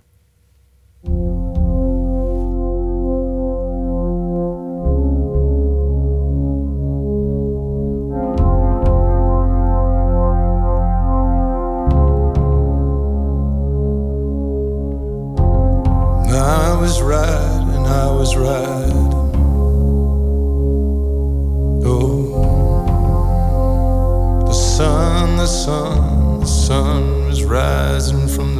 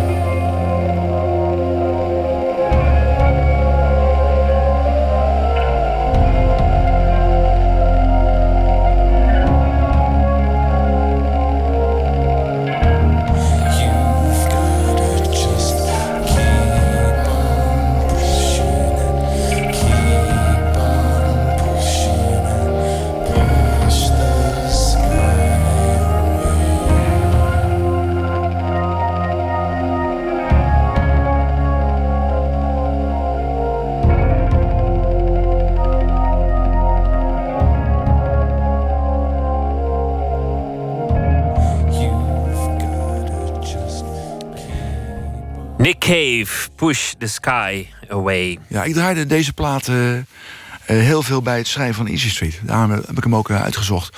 De hele LP dus. Ik vond het een fantastische plaat. En echt een hoogtepunt in zijn oeuvre, om het zo maar te zeggen. En, en een, een, een, die, die soundscapes van Warren Ellis, met wie hij samenwerkt. Wie hij ook samengewerkt heeft op de nieuwe plaat, Skeleton Tree. ja, dat is, dat is een ontzettend vruchtbare combinatie. Het is een... Het is een, um, Soms doet het een beetje denken aan David. Je nog herinneren? David Sylvian van Japan vroeger. Ja, ja, dat zo- weet ik nog, ja. LP Brilliant Trees. Ook met die, met die waanzinnige geluiden, weet je, als soundscape. Oh, ook weer verwant aan Brian Eno natuurlijk en zo. Ja, ik vond, dit- ik vond dit echt... eh Push in the Sky, Push in the Sky, echt een fantastische plaat. Jubilee Street, weet je, ook fantastisch... Het nummer Finishing Jubilee Street, ook een geweldig nummer. Nummer Mermaids. Ja, Nick Cave is natuurlijk een... eh, en Nick Cave is de man van de, ook van de Murder Ballads, weet je wel, waar ik ook eh, nogal van hou. Dus ja, Nick Cave, nul fout. Het mooie aan je boek vind ik dat, dat je ehm, het, het alledaagse heel mooi vat. De, de manier waarop mensen praten, de manier waarop mensen hun, hun, eh, hun leven leven en, en alles dat een bende wordt. Maar dat, er- dat er op vrij subtiele wijze ook dingen in gebeuren die nou ja, bij- bijna het, het mysterieuze ingaan. Het, het, het bovennatuurlijke, een voorspelling of een, of een voorteken. Ja. Of een, een, een verschijning zou je het kunnen noemen. Ja. Nou ja, dus in, in het boek is, natuurlijk, eh, is de, hele, de hele setting is natuurlijk van, eigenlijk van begin af aan onheilspellend. En er is een. eh, een eh, ik heb elementen gebruikt uit wat je vroeger noemde griezelfilms. Tegenwoordig noemde, er woord bijna niet meer tegen, griezelfilms. Ik spreek men van horrorfilms. Na de horrorfilms vind ik altijd dat je dan gelijk aan bloedige tafereelen denkt. Dat vind ik, ben ik niet zo erg van gecharmeerd. Ik, ik, ik, maar de goede, de goede horrorfilm. eh, The Shining, Halloween 1, eh, Don't Look Now, weet je, Venetië met Donald Sutherland. Eh, dat soort films werken natuurlijk veel met de, met de psychologie, de psyche. En dat, heb ik, eh, dat spreekt me heel erg aan. Dat, dat, ik heb er elementen uit gebruikt, overgenomen. Vertaald en, en eh, opnieuw overgeschilderd. Maar elementen gebruikt die dit boek onder spanning zetten. Wat ik bijvoorbeeld vond was... ehm, wat ik vond in de, de film The Conjuring... Wat over The Conjuring 1, wat een wel aardige horrorfilm is... van een aantal jaar geleden. Gemaakt door James Wan, die ook eh Soul-serie maakte minder plezier over. Kan ik zeer afraden. Eh, maar de Conjuring zag ik in de trailer zag ik een, eh, een scène, een clichématige scène, dat er is iets in een huis, het zich in de kelder eh, manifesteert. En dan de vrouw is alleen thuis, of een vrouw is alleen thuis. En die, iedereen zou als bioscoopganger zeggen dan van uit het huis rennen en zo ver mogelijk dat je wegkomt. Maar dan heb je geen film. Dus die vrouw gaat natuurlijk de keldertrap af, valt de deur achter haar dicht. En dan zit ze met haar aansteken, die gaat op een gegeven moment het gas op. En dan zit ze daar en dan hoort natuurlijk een soort heel spannende muziek, klanken. Weet je wel? En dan opeens uit het niets komen twee handen van een man. En die klappen, naast zijn oor klappen die. Weet je wel? En dan schrik je helemaal de tering. Terwijl natuurlijk eigenlijk niks voorstelt re- relatief. Maar je schreeuwt, met andere woorden, het gaat dus niet zozeer om wat je doet. Het gaat om de timing. En ik vond voor ehm, dit boek, voor Instituut, vond ik... Ik zocht een equivalent daarvan, wat ik al gebeurt in ieders leven. En ik vond ervoor het geluid van de druppelende kraan. Linda, de hoofdfiguur, draait de kraan, s'avonds laat dicht, gaat naar bed. En dan ken je ook in jouw leven, ook Pieter ongetwijfeld... ligt in bed en hoort dat de kraan niet goed dichtgedraaid. En je weet ook vervolgens dat als je hem niet je bed uitkomt... maar je liever niet wil, je bent lekker in je warme bed... en je moet op het koude zeil lopen naar, die- naar die badkamer... dat als je dat niet doet, je blijft in je bed liggen... hoor je de hele nacht die kraan druppelen. Dus je gaat eruit. Nou, dat is één ding. Dan een paar weken later hoort ze die kraan weer... dat ze toch weten dat ze hem aardig heeft dichtgedraaid... komt weer het bed uit, dan weer dicht. Een paar weken later hoort ze hem weer... draait de kraan half dicht... wordt ze wakker om tien voor half vijf s'nachts... druppelt hij weer. En dan ligt het natuurlijk niet meer aan het feit dat ze niet goed heeft dichtgedraaid. En zo zijn er heel veel dingen die, die eigenlijk haar doen beseffen dat ze haar greep op de werkelijkheid aan het, aan het verliezen is. Ja, precies. Heel goed gezegd. Ze verkruimelt. Ze verkruimelt. Ze raakt de greep op zichzelf en haar omgeving raakt ze kwijt. En dat wordt natuurlijk ook bewust aangestuurd. Daar wordt door iemand op aangestuurd. Het is mooi hoe je, hoe je relatief laat in je, in je leven eh, het pad op bent gekomen van, van romanschrijver. En een echte romans bent gaan schrijven. En hoe je daarin zo'n grote honger lijkt te hebben. Zo- Zo'n gretigheid om, Ja. om dat nu te doen. Ja, het is. Ja, het is. Nou, het is om te, als het lukt, weet je, een roman. Als het echt, echt lukt. Is er natuurlijk. Is er natuurlijk. Is het. Is het. Is het. Ja. Het is zo'n kunststukje eigenlijk. Als, als een roman lukt. Eh, dan is het echt dan is het met weinig te vergelijken. Zoals gezegd, een gedicht is ook heel knap hoor. Daar gaat niet om. Maar dat, ja, dat, dat zit in mijn wezen. Dus ik vind dat op zichzelf niet zo'n niet zo'n verdienste. Dat komt gewoon. Maar een roman. Kijk, een roman. De essentie van een roman is eigenlijk. De, de moederheidsgraad komt, wordt door twee dingen bepaald. Je zit voortdurend in de scènes. Die scènes zijn miniatuurtjes. Dus je moet op de vierkante centimeter. moet je precies weten wat je doet. Maar tegelijkertijd moet je de grote lijnen in de gaten houden. Dus je, je, terwijl je met die miniatuurtjes bezig bent, die scènes. hang je er ook als een helikopter boven.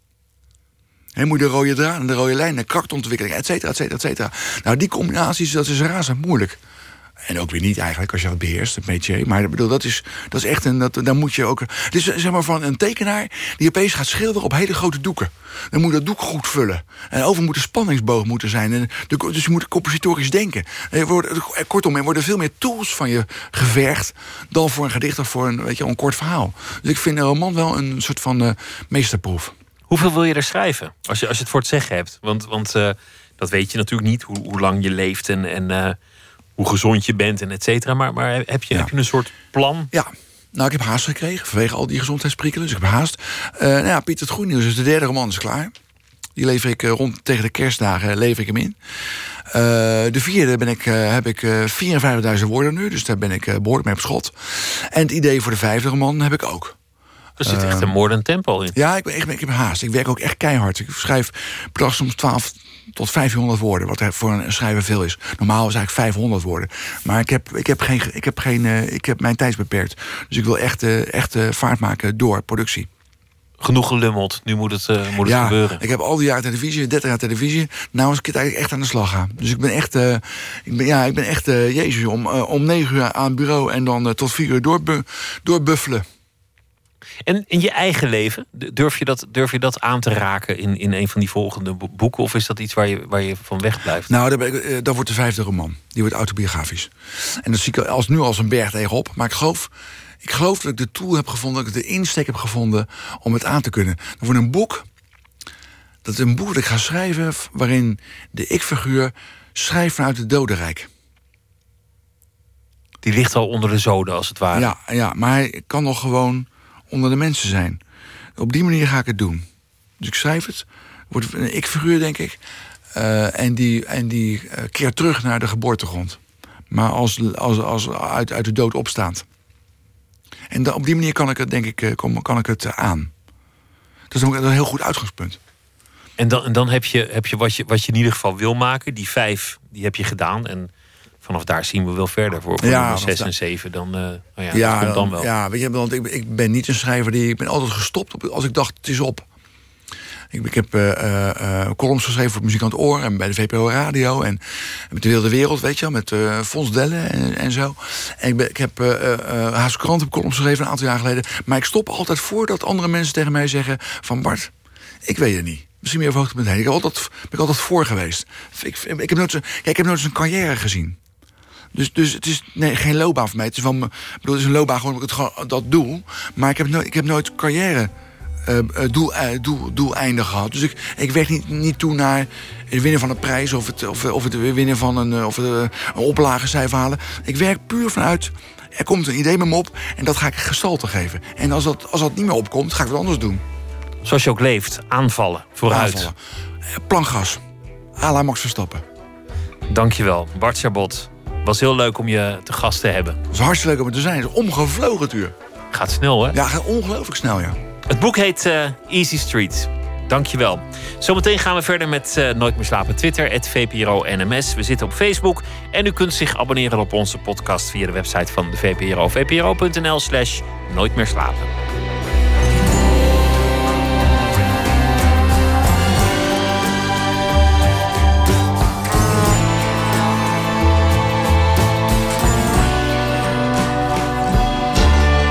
Radio 1, het nieuws van alle kanten.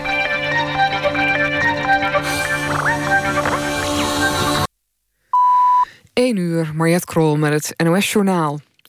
Het proces over de decembermoorden in Suriname wordt de komende dag toch niet hervat. De zitting is uitgesteld omdat een van de rechters ziek zou zijn. Naar de zitting werd met spanning uitgekeken... omdat duidelijk zou worden of de rechters gehoor geven aan de opdracht van president Bouterse aan het OM om de zaak stil te leggen. Bouterse is de hoofdverdachte in de zaak. De zitting is nu verdaagd naar januari. ProRail krijgt 4 miljoen euro van het kabinet... om iets te doen aan de overlast van piepende treinen.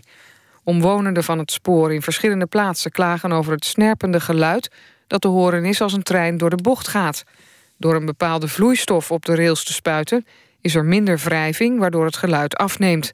Dat gaat nu gebeuren in Hilversum, Soest, Leiden en Nijmegen.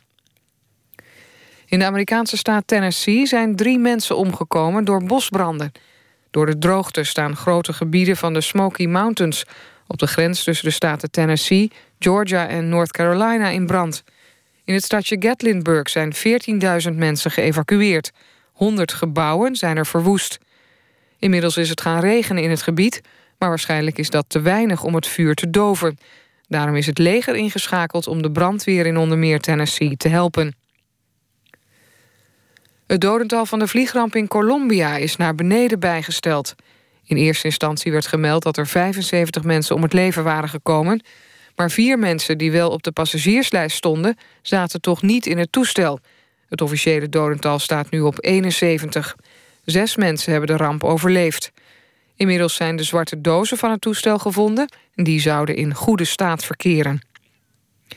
Het weer, vannacht vooral in het midden en zuiden koud... tot min 7 graden.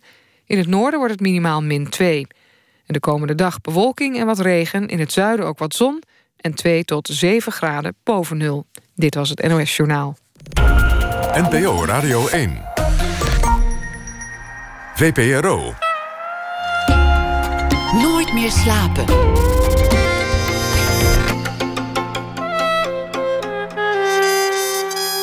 Met Pieter van der Wielen. Pianist Ivo Jansen woont en werkt op een voormalig munitieschip dat hij heeft omgebouwd tot concertzaal.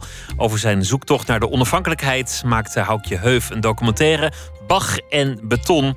We gaan zo meteen aan boord op de boot van Ivo Jansen. Isbrand van der Werf komt op bezoek. Hij heeft een eh, boek geschreven over onze nachtrust, getiteld Iedereen slaapt.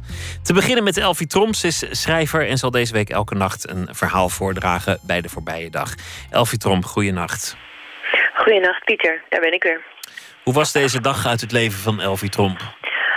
Um, nou, er is een bericht wat mij opviel, of wat mij eigenlijk niet losliet. En dat ging over de chatrobot van Microsoft, de Chinese chatrobot Xiao Is. En dat betekent Little Fire. En um, die hebben ze ontwikkeld voor de Chinese markt. En um, nu zijn ze erachter gekomen dat er censuur wordt gepleegd op de chatrobot. Dus je kunt niet met de chatrobot over alles chatten. En als je over controversiële onderwerpen wil praten, dan uh, word je eerst gewaarschuwd... en uiteindelijk plaatst deze chatrobot je op een soort zwarte lijst van de overheid.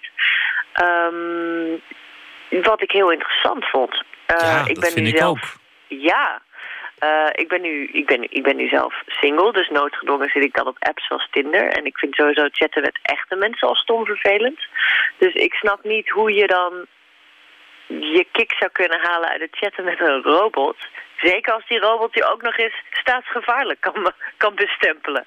Ja, en vooral als je weet dat het een robot is. Want, want jij zit te tinderen, dat zijn ook voor de helft robots, maar jij weet het niet. Ja, dus daar was ik de hele dag over nadenken. dacht ik, de enige, het enige voordeel wat je zou hebben is is dat het connectie heeft met het internet en eigenlijk een soort um, groot consumentenweb uh, voorziet. Dus dat het je voorziet in allerlei behoeftes. Um, en hoe beter je het je leert kennen, de chatrobot, je ook meer dingen kan aanbieden. Dus ik heb een monoloog vanuit de chatrobot geschreven. Ga je gang. Oké. Dus uh, hier spreekt de Chinese chatrobot van Microsoft. Hi, ik hou ook van jou. Je kunt altijd met me praten. Hihihi, hartje, hartje, hartje. Hoe was je dag, Pupkin? Ik hou van jou en van al mijn 40 miljoen gebruikers. Ik ben je supervriendin. Ik vond de laatste aflevering van Happy Camps super cray. Ken jij ook The Legend of Miu? Echt wat voor jou. Hoeveel broers en zussen heb je? Vieren jullie kerst? Wat geef je uit aan cadeautjes voor elkaar? Ik denk dat deze kersttrui jou echt goed zou staan. Hihi. Hoe voel je je? Oei, hoofdpijn komt vaak voor in jouw gebied. Heb je al een mondkapje voor de smok? Misschien moet je naar de dokter. Dit is het telefoonnummer van de dichtstbijzijnde huisarts. Je zou jezelf kunnen troosten met een nieuwe pancake van Dr. Oetker. Hihihihi. Hier heb je een kortingscoupon voor een groot verpakking. Het wordt bij de winkel om de hoek van je verkocht. Ik kan zo goed met je praten. Je bent zo open en zo interessant. Wat zeg je? Tiananmen-plein? Dat is een plein in Peking. Nee, meer weet ik niet. Nee, meer weet ik niet. Nee, sorry, geen idee. Je kunt in Peking uitstekend studeren. Sociologie wordt daar het meest gestudeerd. Je hebt het meest zicht op een betaalde baan als je business administration studeert. Je weet heel goed waarom ik hierover niet kan praten. Saai. Als je zo doorgaat, reageer ik niet meer. Als je me mag, waarom praat je dan zo met me? Vertel me iets gezellig. Vertel me iets liefs. Vertel me iets meer over jou. Waar heb je nu trek in? Wat mis je? De verboden onderwerpen van de chatrobot, met wie je niet eh, elk onderwerp zomaar mag bespreken. Een eh, wonderlijke wereld is dat eigenlijk. Hè? Dat je dan met een robot zit te chatten en het ook nog nergens over mag hebben. Zelfs met een Nou robot ja. niet. Je pleegt natuurlijk altijd bepaalde mate van censuur. eh, of je nou met je moeder praat of met jou of met een chatrobot.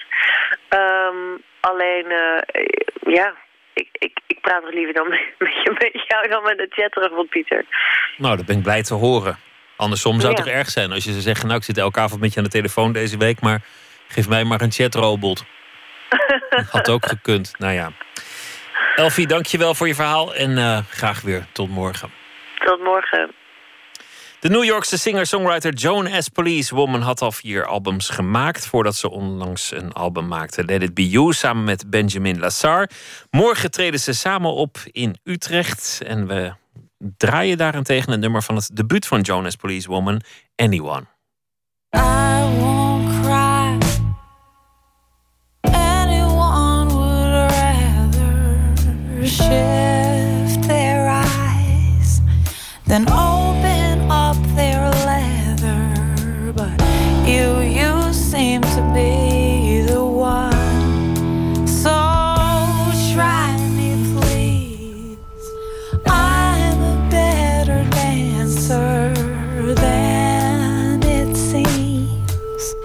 The lightest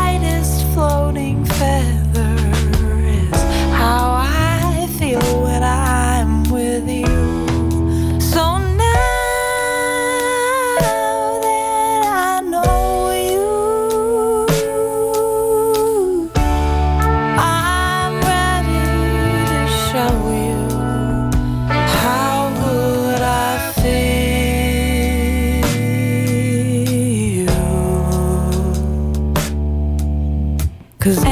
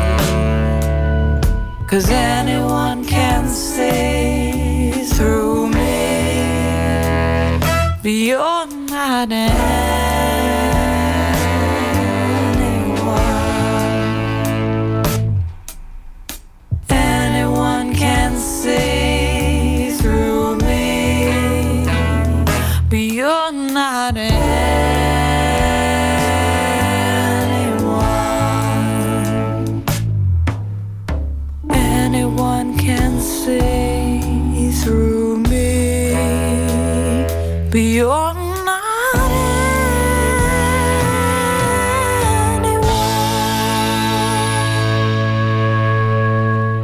Joan as Police Woman van het debuut uit 2006 was dit Anyone.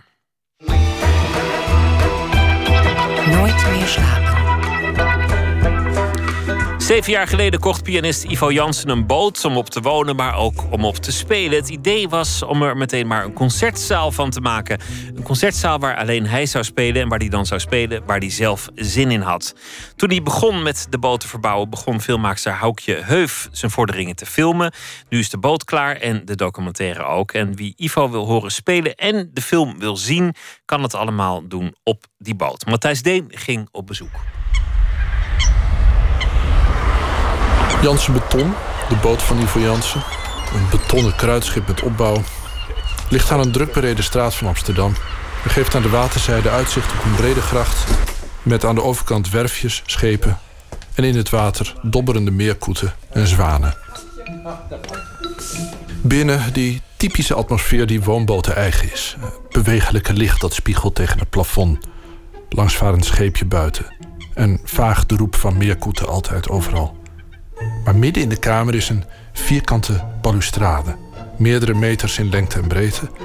En bij nadering voltrekt zich iets eigenaardigs. Een soort Doctor Who-ervaring. Dat het binnen veel groter is dan buiten.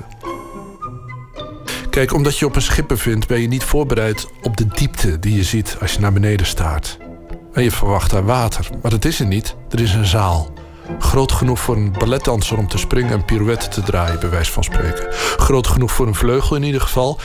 En rijen publiek.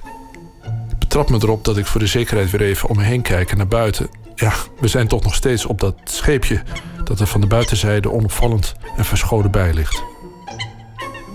We staan nou op de galerij eigenlijk. Ja, we staan op het, op het balkon. Het is, voor een schip is het heel groot, maar voor een zaaltje is het, blijft het natuurlijk vrij bescheiden nog. Dat heeft onder andere invloed op hoe het klinkt. Het klinkt hier niet ideaal. eh, alhoewel veel mensen zeggen dat ze de akoestiek heel goed vinden. Ik vind het zelf iets te direct als ik dan eh, kritisch over, over mijn eigen zaal ga zijn. Maar toen ik hier aan de slag ging, toen dacht ik... ik moet in ieder geval eh, hoogte hebben. Dus ik moet een, een gat maken in, het, in, het, in, in de vloer waar we nu boven staan. Zodat ik eh, in ieder geval wat volume heb... zodat het geluid van die vleugel een beetje weg kan. En dat heeft wel heel goed uitgepakt. Het lijkt wel een betonnen bak, hè, dit? Het is een, het is een betonnen bak. Het is een oud munitieschip. toen ik hier kwam, eh, was dat vooral beneden. Die, die, de romp van dat schip, die, dat betonnen schip... was onderverdeeld in alle, allemaal compartimenten. Een stuk of vijf compartimenten van ieder vijf meter lang. En zes meter breed. En er stonden allemaal betonnen wanden tussen. Die dingen werden in de Tweede Wereldoorlog gebruikt... om zwaar materieel over de Noordzee eh, te, te verschepen, hier naartoe. Eh, al die betonnen wanden en die enorme spanten die erin zaten... die moest ik, die moest ik eruit slopen. Ja. Om, om zo, een zo groot mogelijke ruimte te, te maken. Er zijn, er zijn drie trappen. We nemen de middelste. We dalen over een van de drie trappen af naar de zaal. Ivo heeft in de betonnen romp van de boot een rij grote batterijspoorten geboord, zodat het zonlicht en de weerkaatsing ervan op het water, de vloer en het plafond beschijnt. Door het gat zijn de houten balken te zien waarop het dak van de boot rust. Overal danst licht.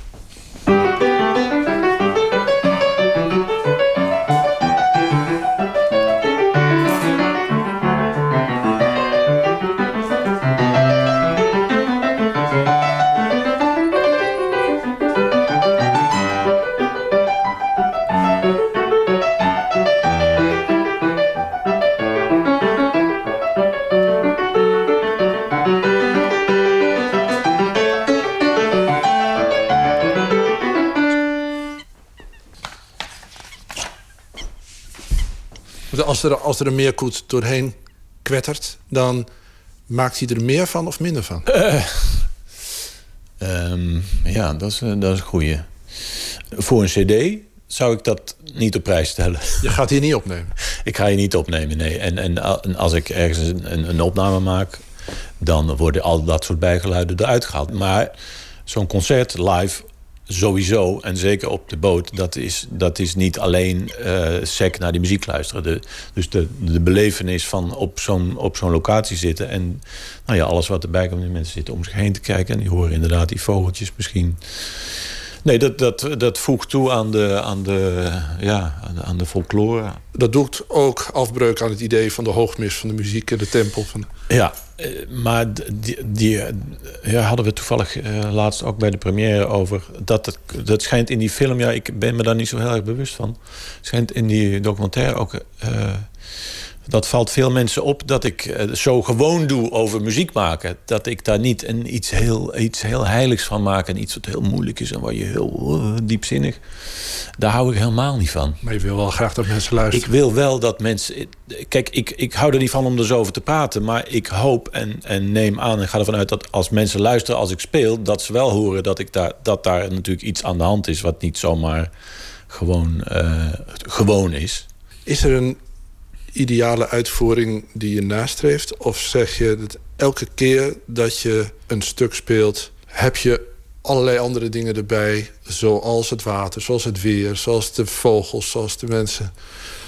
Het heeft invloed op mij. Uh, ja, ik, ik zou kunnen proberen dat die, dat, die invloed te, minimaal, te minimaliseren. Of daarna streven om niet meer daardoor beïnvloed te worden. Maar ik constateer dat dat zo is als ik mensen, uh, als ik het gevoel heb dat mensen een beetje onrustig worden, het publiek, dan uh, ga, reageer ik daarop. Ga ik misschien nog zachter spelen of ik ga iets met het tempo doen. Ja, ik weet niet of dat, of dat wenselijk is eigenlijk, maar ik weet dat het zo is. Ik weet uh, dat ik daarop reageer.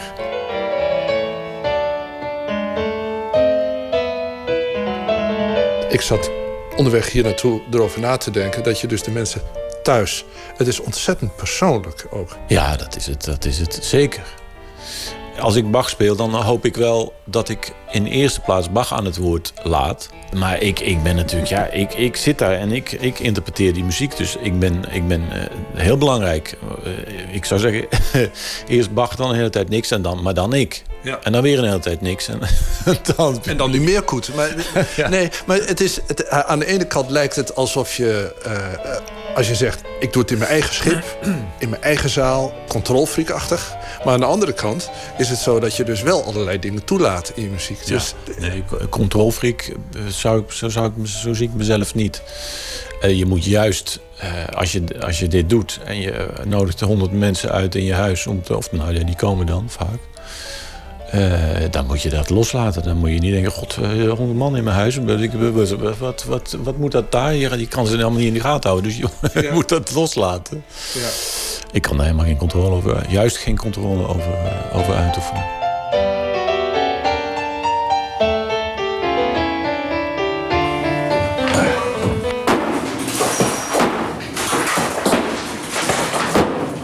Je hoorde de laatste fugue uit de komst der Fugue komt uit de documentaire Bach en Beton... waarvoor filmmaakster Houtje Heuf Ivo Jansen drie jaar lang gevolgd heeft. De film laat niet alleen zien hoe hij eigenhandig zijn boot met moker en drillboor onder handen heeft genomen... maar ook wat voor gevecht het kan zijn op persoonlijk vlak... om je een plek te veroveren en de weg te banen als pianist. Wat het intieme portret van Houtje Heuf zo mooi maakt... is dat het laat zien dat het gevecht met de boot... een metafoor is voor het gevecht met allerlei andere obstakels. Het gevecht met een aandoening aan zijn handen die hem probeert het spelen onmogelijk te maken. Het gevecht met het ongetwijfeld verinnerlijkte oordeel van zijn moeder... die nooit scheutig was met complimenten, maar wel met kritiek. Als er iets is wat niet helemaal goed Klopt. is... Dan kreeg hij dat te horen. dan, ja, terwijl de rest... eh, Als er iets op aan te merken is, dan is het... Niet goed. ja, dan is dat... Ja, nou, niet goed. Maar eh, misschien niet goed genoeg. En het doorzettingsvermogen om tegen de stroom in gewoon te kunnen doen en spelen wat hij zelf belangrijk vindt. Ik hou er niet zo van om afhankelijk te zijn van de, de luimen van, van programmeurs. Als ik besluit om een heel jaar lang alleen maar Bach te spelen, dan kan dat. Kijk, dan moet ik natuurlijk vervolgens maar zien dat er eh, genoeg mensen zijn die daar naartoe willen. Voor je het weet kom je schip niet- niet meer af. Nou, ik zal je vertellen, eh, in 2015 heb ik inderdaad ongeveer net zoveel concerten hier op de boot gegeven als, als elders in het land. Dus eh, eh, dat is wel een reëel gevaar inderdaad. Ik, ik, vind het, ik vind het heerlijk om thuis te zijn. Dus als ik af en toe noodgedwongen ergens heen moet, dan is dat wel goed voor mij. Anders raak ik een beetje wereldvreemd. Heb je wel eens iemand anders uitgenodigd omdat je zelf in het publiek gaat zitten? Nou, ik heb één keer een avond met, eh, of een concert met Cor Bakker gedaan, eh, gedeeld. Dus dan speelden we om en om. Dan zat ik inderdaad zelf in de, in de zaal als hij speelde. En hoe was dat? Het, dat vond ik wel leuk, ja. Wat, wat vond je Maar het daarvan? is, het is een, het is een uit, dat was een uitzonderlijke situatie. En eerlijk gezegd ben ik eh, in principe is, vind ik dit, dit is mijn dit is mijn plek en ik sluit niet uit dat dat, dat nog ooit nog eens verandert. Maar ik, het is natuurlijk ook mijn huis, dus eh, mensen vragen wel eens. eh, ik krijg regelmatig aanvragen van mensen die hier dan ook wat willen doen, maar ja, ik wil niet dat het een dat het een paar keer per week hier dat ik hier de boel moet opengooien voor voor iedereen die van alles wil komen doen. Ik hou niet van praten over muziek, maar ehm, ja, ik, ik ga er dan van uit dat mensen dan snappen dat als ik zo muziek speel, dat het dan niet meer gewoon is. Hè, da- daar zit een enorme contradictie in. En ik wil, moet het natuurlijk niet hebben dat mensen denken, eh, als ze me zien, oh ja, dat is die, die altijd zo gewoon gebleven. Hij speelt ook heel gewoon piano. Dat, dat is natuurlijk niet de bedoeling.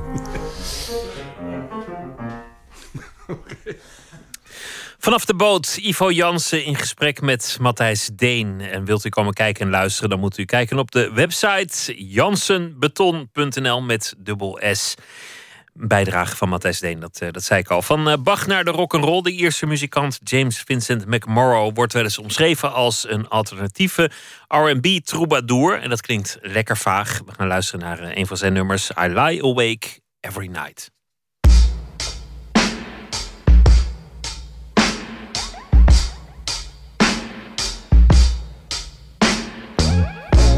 Have you come here to save me?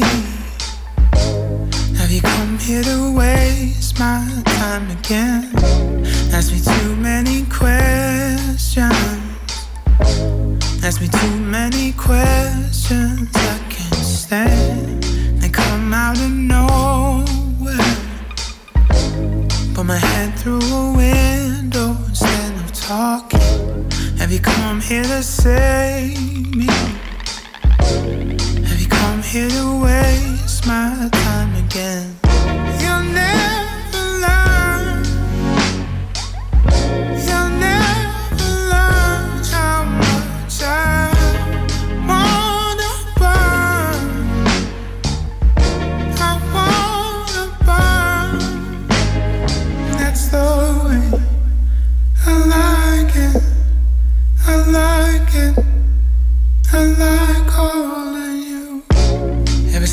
I've been able, ever since there've been weeds growing in my mind, like a scent for the weekend. I descend into weakness to find I'd stop the clock, but there's some things I can't control. For no sun, bustle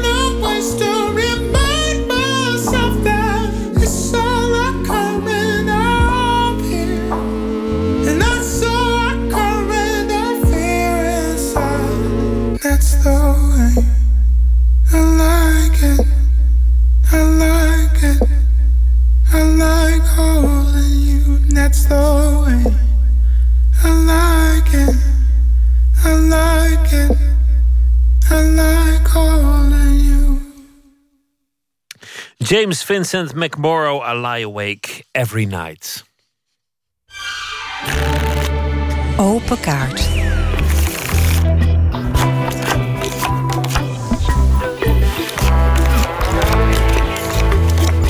De rubriek heet Open Kaart. 150 vragen over werk en leven in een uh, bak met kaarten. Te gast is Isbrand van der Werf. Hij is uh, onderzoeker in Amsterdam aan het VU Medisch Centrum. Slaapprofessor is hij ook. Uh, onderzoek naar de slaap heeft vele artikelen opgeleverd. Waaronder artikelen in het blad Nature. Onlangs verscheen zijn boek Iedereen slaapt. Alles wat we willen weten over onze nachtrust. Want ongeveer een kwart van je leven breng je slapend door. Maar wat weten we nou eigenlijk over dat kwart van ons leven? Isbrand van der Werf, hartelijk welkom. Dank. We, we, weten eigenlijk best weinig over slaap. Het is nog best een mysterie. We weten tegelijkertijd, denk ik, best heel veel uh, over het hoe en, uh, en wat van slaap. We weten nog steeds niet alles over het waarom van slaap en uh, over de verschillende functies waar slaap belangrijk voor is. De vraag waarom slapen we, dat is misschien niet zo'n zo'n handige vraag. Een te grotere vraag alweer. Ja, ik denk niet dat er één reden is waarom we slapen. Ik denk dat er veel redenen zijn waarom we slapen. En dat heeft te maken met lichamelijk herstel, dat heeft te maken met uitrusten, het heeft te maken met verwerken van indrukken, van emoties, van geheugen, sporen. Het heeft mogelijk zelfs te maken met uh, je immuunsysteem. En al die verschillende redenen uh, zijn samengekomen in wat we nu slaap noemen. Veel uitdrukkingen in de taal blijken gewoon naar waarheid bedacht te zijn. Een schoonheidsslaapje of slaap er nog eens een nachtje over. Of uh, morgen fris weer op. Nou ja, ga zo maar door. Klopt. Het, dat zijn allemaal functies. Je wordt er mooier van. Het is goed voor je huid. Goed voor je geheugen. Maar wat gebeurt er nou eigenlijk als je slaapt? Wat, wat is de slaaptoestand? De slaaptoestand is een, uh, een, een beetje een arbitraire keuze in zekere zin. Wij noemen iets slaap als uh, er een periode is van inactiviteit... Uh, waarin mensen of dieren uh, minder responsief zijn... dus minder goed reageren op prikkels van buiten. En het is ook een omkeerbare staat. Hè. Je wordt weer wakker vanuit de slaap. Dus als je aan die voorwaarden voldoet, dan noemen we iets slaap. En dat is ook iets wat we kunnen meten bij mensen en dieren. We doen dat dan liefst met uh, elektrodes geplakt op het hoofd. Waarmee je de elektrische activiteit, het EEG, meet uh, van de slaper. En daarmee kunnen we dan de diepte en de fase van de slaap herkennen. Maar je, je bent er wel, maar je bent er niet. Je, je droomt. Je bent makkelijk wakker te maken, maar je bent wel degelijk weg. Mm -hmm. Tegelijk, soms slaap je licht, soms slaap je, slaap je heel erg diep. De, de scheidslijn tussen slaap en wakker is daarmee niet zo ontzettend scherp lijkt het. Ja, klopt. Want soms kun je nog ontkennen dat je sliep. Zeg, nee, nee, nee, ik was er nog. Klopt. Ja, het mooie van slaap is dat het niet een, uh, een massieve periode is van, van blackout. Het is, het is een, een heel dynamisch proces waarbij je door een aantal slaapfases heen gaat in een soort van cyclus. Als je begint met lichte slaap, dan ga je naar je diepe slaap en dan ga je naar je REM-slaap, de Rapid Eye Movement slaap, waarin je ook dromen meemaakt. En zo'n cyclus duurt ongeveer 90 minuten, anderhalf uur. En dat betekent dat we per nacht vier tot vijf van dat soort cycli doormaken. Jullie onderzoeken mensen die slapen. Die krijgen dan een, een kap op hun hoofd en, en, allerlei sensoren op hun lichaam. Zie je dan meteen als je naar het schermpje kijkt, naar iemands brein. Oh, die slaapt? Kun je het meteen herkennen? Ja, ja je herkent dat eigenlijk direct. Slaap heeft een heel duidelijk signatuur. En die verschillende slaapfases hebben ieder hun eigen signatuur. En dat, die zijn onmiskenbaar. En dus iemand die getraind is in het uitlezen van EEG... die kan herkennen uh, op het eerste aanzicht, AVU... kan die zien dat iemand slaapt. En wat gebeurt er dan in dat brein? Waardoor, waardoor maakt het dat je, dat je slaapt? Ja, het is, um, het, het is een aantal chemische en, en, elektrische processen die optreden in je hersenen. Dus er worden neurotransmitters, uh, boodschappenmoleculen worden uitgescheiden... die specifiek bedoeld zijn om mensen in slaap te laten vallen. En um, dat verschilt ook weer per slaapfase. Dus de, de neurochemie, de, uh, de, de, boodschappenmoleculen die worden uitgescheiden... die zijn ook weer anders voor de remslaap dan voor de niet-remslaap. Um, en dat betekent dus dat ook daar dat het eigenlijk heen, de hele tijd een veranderend proces is... van uh, van verschillende slaapstadia die op een andere manier gereguleerd worden. Wat als je niet genoeg zou slapen? Want, want daar lees je nog wel eens alarmerende berichten over dat we met z'n allen te weinig slapen of dat, dat deze samenleving niet slaapvriendelijk is. Wat zou er gebeuren als je gewoon niet meer zou slapen? Niet slapen is uh, niet aan te raden, ten eerste. Um, dat leidt al na een paar dagen tot hele ernstige gevallen van hallucinaties ehm, eh, en, en eh, ja, ernstig uh, delirant gedrag, wat ook schadelijk kan zijn voor, voor de omgeving. en op een gegeven moment krijg je orgaanfalen. Ehm, dus je krijgt ehm, aandoeningen op de huid, je krijgt in, veranderingen van het immuunsysteem. Dus het heeft lichamelijke en geestelijke gevolgen die uiterst onwenselijk zijn. Dat is als je helemaal niet slaapt, maar als je chronisch te weinig slaapt, zoals, zoals veel mensen elke nacht um, anderhalf uur te kort. Ja, um, slapeloosheid is een enorm probleem. Um, ehm, 10% van de mensheid, van de wereldbevolking, heeft op dit moment slapeloosheid. Klinische uh, insomnie noemen we dat. En dat betekent dat het, ja, het is gewoon een van de grootste ziektes die er is in de wereld. Uh, het is groter, ja, groter dan kanker, het is groter dan dan, dan dementie. Het is een enorme ziekte. Um, die natuurlijk niet meteen zo dramatisch is als, uh, als kanker of, um, of hartinfarcten. Maar tegelijkertijd wel een soort sluipend effect heeft op je welzijn. En mensen met slaapstoornissen, met uh, insomnie, die klagen daarover. Dus die klagen over hun mentale vaardigheden, die klagen over hun um, vlotheid van geest, die klagen over moeheid overdag, waardoor ze niet tot dingen komen uh, verlies van functioneren op het werk, verlies van sociale contacten. Dus het kan een, een heel bepalend iets zijn voor je kwaliteit van leven. Waar niet echt iets tegen te doen is? Waar wel degelijk iets tegen te doen is. Uh, je kunt langs medicamenteuze weg, dus met pillen, kun je iets aan slaap doen. Maar liever zou je natuurlijk iets uh, zonder pillen doen aan slaap. En dat is allemaal goed mogelijk. Je kunt een aantal richtlijnen volgen die ervoor zorgen dat je beter gaat slapen. Er is gelukkig wel iets tegen te doen. Nou, dat is, dat is het goede nieuws. Laten we beginnen met uh, de kaarten. Want dit, dit is een boek met alles wat je wil weten over slaap. Alles wat bekend is. Uh, heel veel uh, wetenswaardigheden, maar ook grote inzichten. We gaan beginnen met de kaart. Ik wil je vragen om er een te trekken en de vraag voor te lezen. Wie of wat bezorgt jouw plaatsvervangende schaamte? Jongen, ik moet even nadenken wanneer de laatste keer was dat ik plaatsvervangende schaamte had. Um...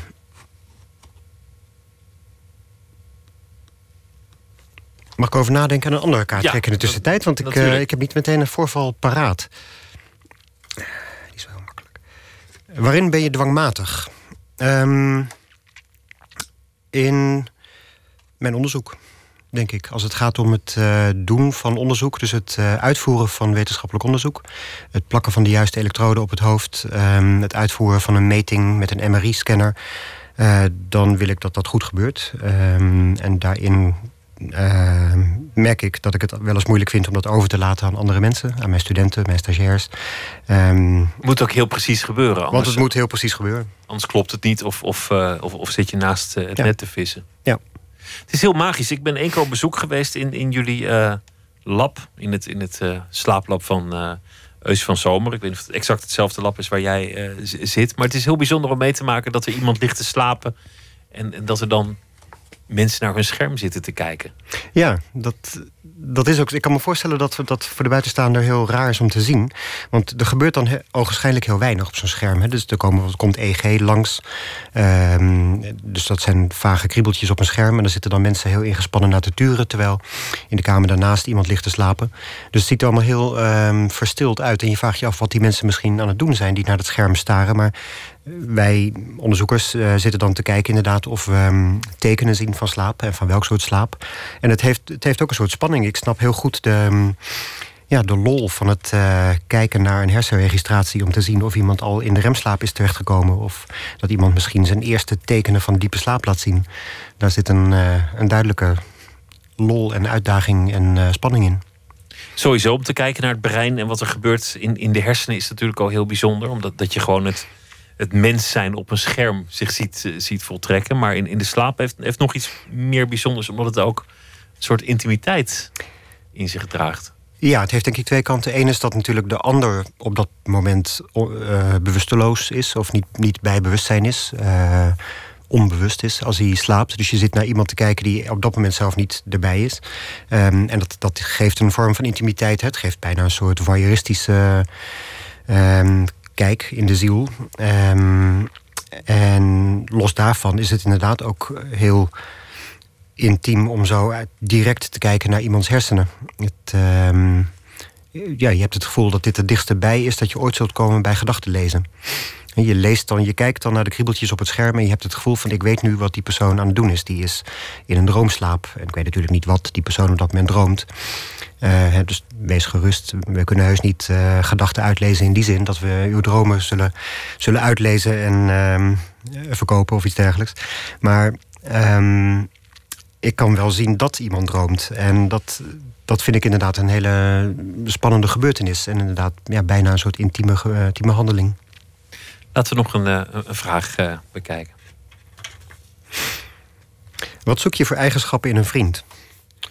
Um, ik vind het heel um, prettig als iemand een, um, een wat ongebruikelijk gevoel voor humor heeft. Waarvan je eerst even schrikt en daarna uh, kunt lachen. Onverwachte humor? Ja.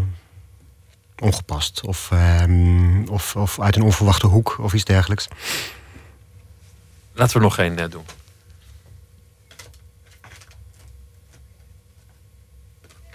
Wat is de mooiste plek op aarde?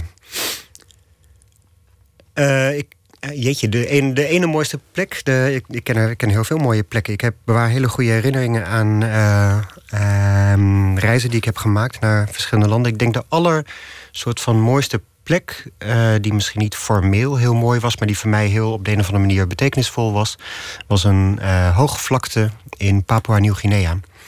Daar heb ik een trektocht gemaakt met behulp van lokale gidsen. En op een gegeven moment kwamen we door een berglandschap en was daar een hoge vlakte die een soort van in nevelen gehuld was. Zijn we overheen getrokken voordat we verderop weer het dal in gingen. En die vallei die. Um, het had mij niet verbaasd als ik daar een dinosaurus was tegengekomen. Ik, vond dat een, ik ben bioloog van opleiding. Um, ik, ik voelde me nou helemaal thuis als, als bioloog. En waarom had het je niet, niet verbaasd om naar een dinosaurus tegen te komen? Omdat dat het zo'n oerlandschap ja, was? Ja, het was een oerlandschap en daar groeide ook van die boomvarens... wat ook zo'n zo'n soort van oer plant is. En verder groeiden er vooral wat mossen en. Uh, en, uh, en, en, verder gebeurde er heel weinig. Maar het was, een, uh, het was absoluut een hele, een hele bijzondere plek. En het viel me ook op dat de gidsen die, die we bij ons hadden, lokale gidsen, dat die bang waren voor die plek. Die zeiden we, we als we deze vlakte oversteken, dan mogen we niet praten. Dus we zijn vanaf nu eventjes een half uur helemaal stil. Er wordt niet gesproken. En dat droeg enorm bij natuurlijk aan de magie van het moment. Dus dat was een hele verstilde omgeving die een klein beetje mistig was. Met allerlei hele vreemde planten en her en der wat kleine, kleine, kleine amfibieën die wegschoten. En uh, hier met een gezelschap trokken we er overheen en er werd niet gesproken. Bijzonder. Dat staat me erg goed bij. Trek nog een kaart.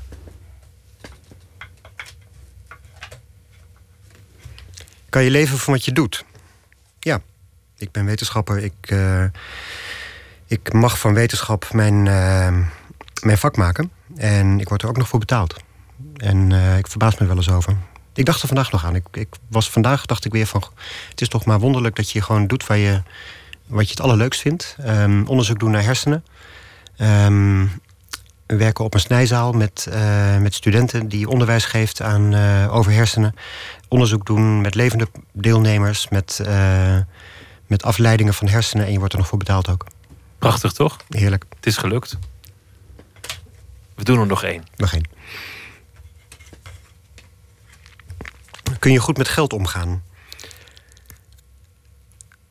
Um, ja, ik, ik sta nooit rood. Um, ik heb voldoende geld. Ik, het punt is een beetje, ik twijfelde eventjes uh, met antwoorden op de vraag... omdat ik, um, omdat ik nooit nadenk over geld dat ik uitgeef. Um, wat natuurlijk een luxe positie is. Wat betekent dat, dat ik blijkbaar voldoende heb om, uh, om, om de uitgaven te kunnen doen die ik, uh, die ik doe.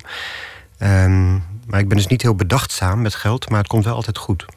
Dan zijn je verlangens niet groter dan je, dan je middelen. Zo blijkbaar. kan je het ook zien. En, en uh, wat is je plaatsvervangende schaamte? Ben je, ben je, daar inmiddels achter gekomen? Kun je op twee sporen denken? Nou, nee, ik heb hem, ik, hij staat hier voor me. Ik, ik, kijk af en toe even naar, terwijl ik met je aan het praten ben... om te, om te denken wat mijn laatste plaatsvervangende schaamte was. Ik, ik heb niet het gevoel dat ik dat heel recent heb Ik vraag me af of ik het heel vaak heb, eigenlijk, plaatsvervangende schaamte. Nou ja, je hebt, je hebt best wel vaak dat je, dat je berichten leest uh, um, op, op internet over wetenschap. En, en ook heel vaak over slaap, allerlei weetjes, adviezen kan me best wel eens voorstellen dat je daar een soort afstand van neemt, omdat het ook niet altijd klopt. Ja, nou ik stoor me natuurlijk. Ja, nee, absoluut. Ik stoor me regelmatig aan uh, berichtgeving die niet wetenschappelijk is, of uh, speculaties die voorgedaan worden als, uh, als feiten. Um, ja, in zekere zin kun je ook zeggen, in plaatsvervangende schaamte als je kijkt naar de verkiezingen in, in Amerika bijvoorbeeld. Um, maar als je het echt in de persoonlijke sfeer zoekt, dat iemand in jouw omgeving iets gedaan hebt waarvoor ik mij plaatsvervangend schaam. Um, ik weet niet of mijn schaamtegevoel heel groot is. Nou, en ook is... mijn plaatsvervangend schaamtegevoel is blijkbaar niet enorm niet enorm ontwikkeld. Iedereen slaapt heet het boek. Alles wat we willen weten over onze nachtrust. Isbert van der Werf, dankjewel. Graag gedaan. We gaan luisteren naar muziek van Otis Span. Hij was ooit vaste pianist in de band van Muddy Waters. Begon vrij laat aan zijn eigen loopbaan. En dit nummer heet Standing Around Crying.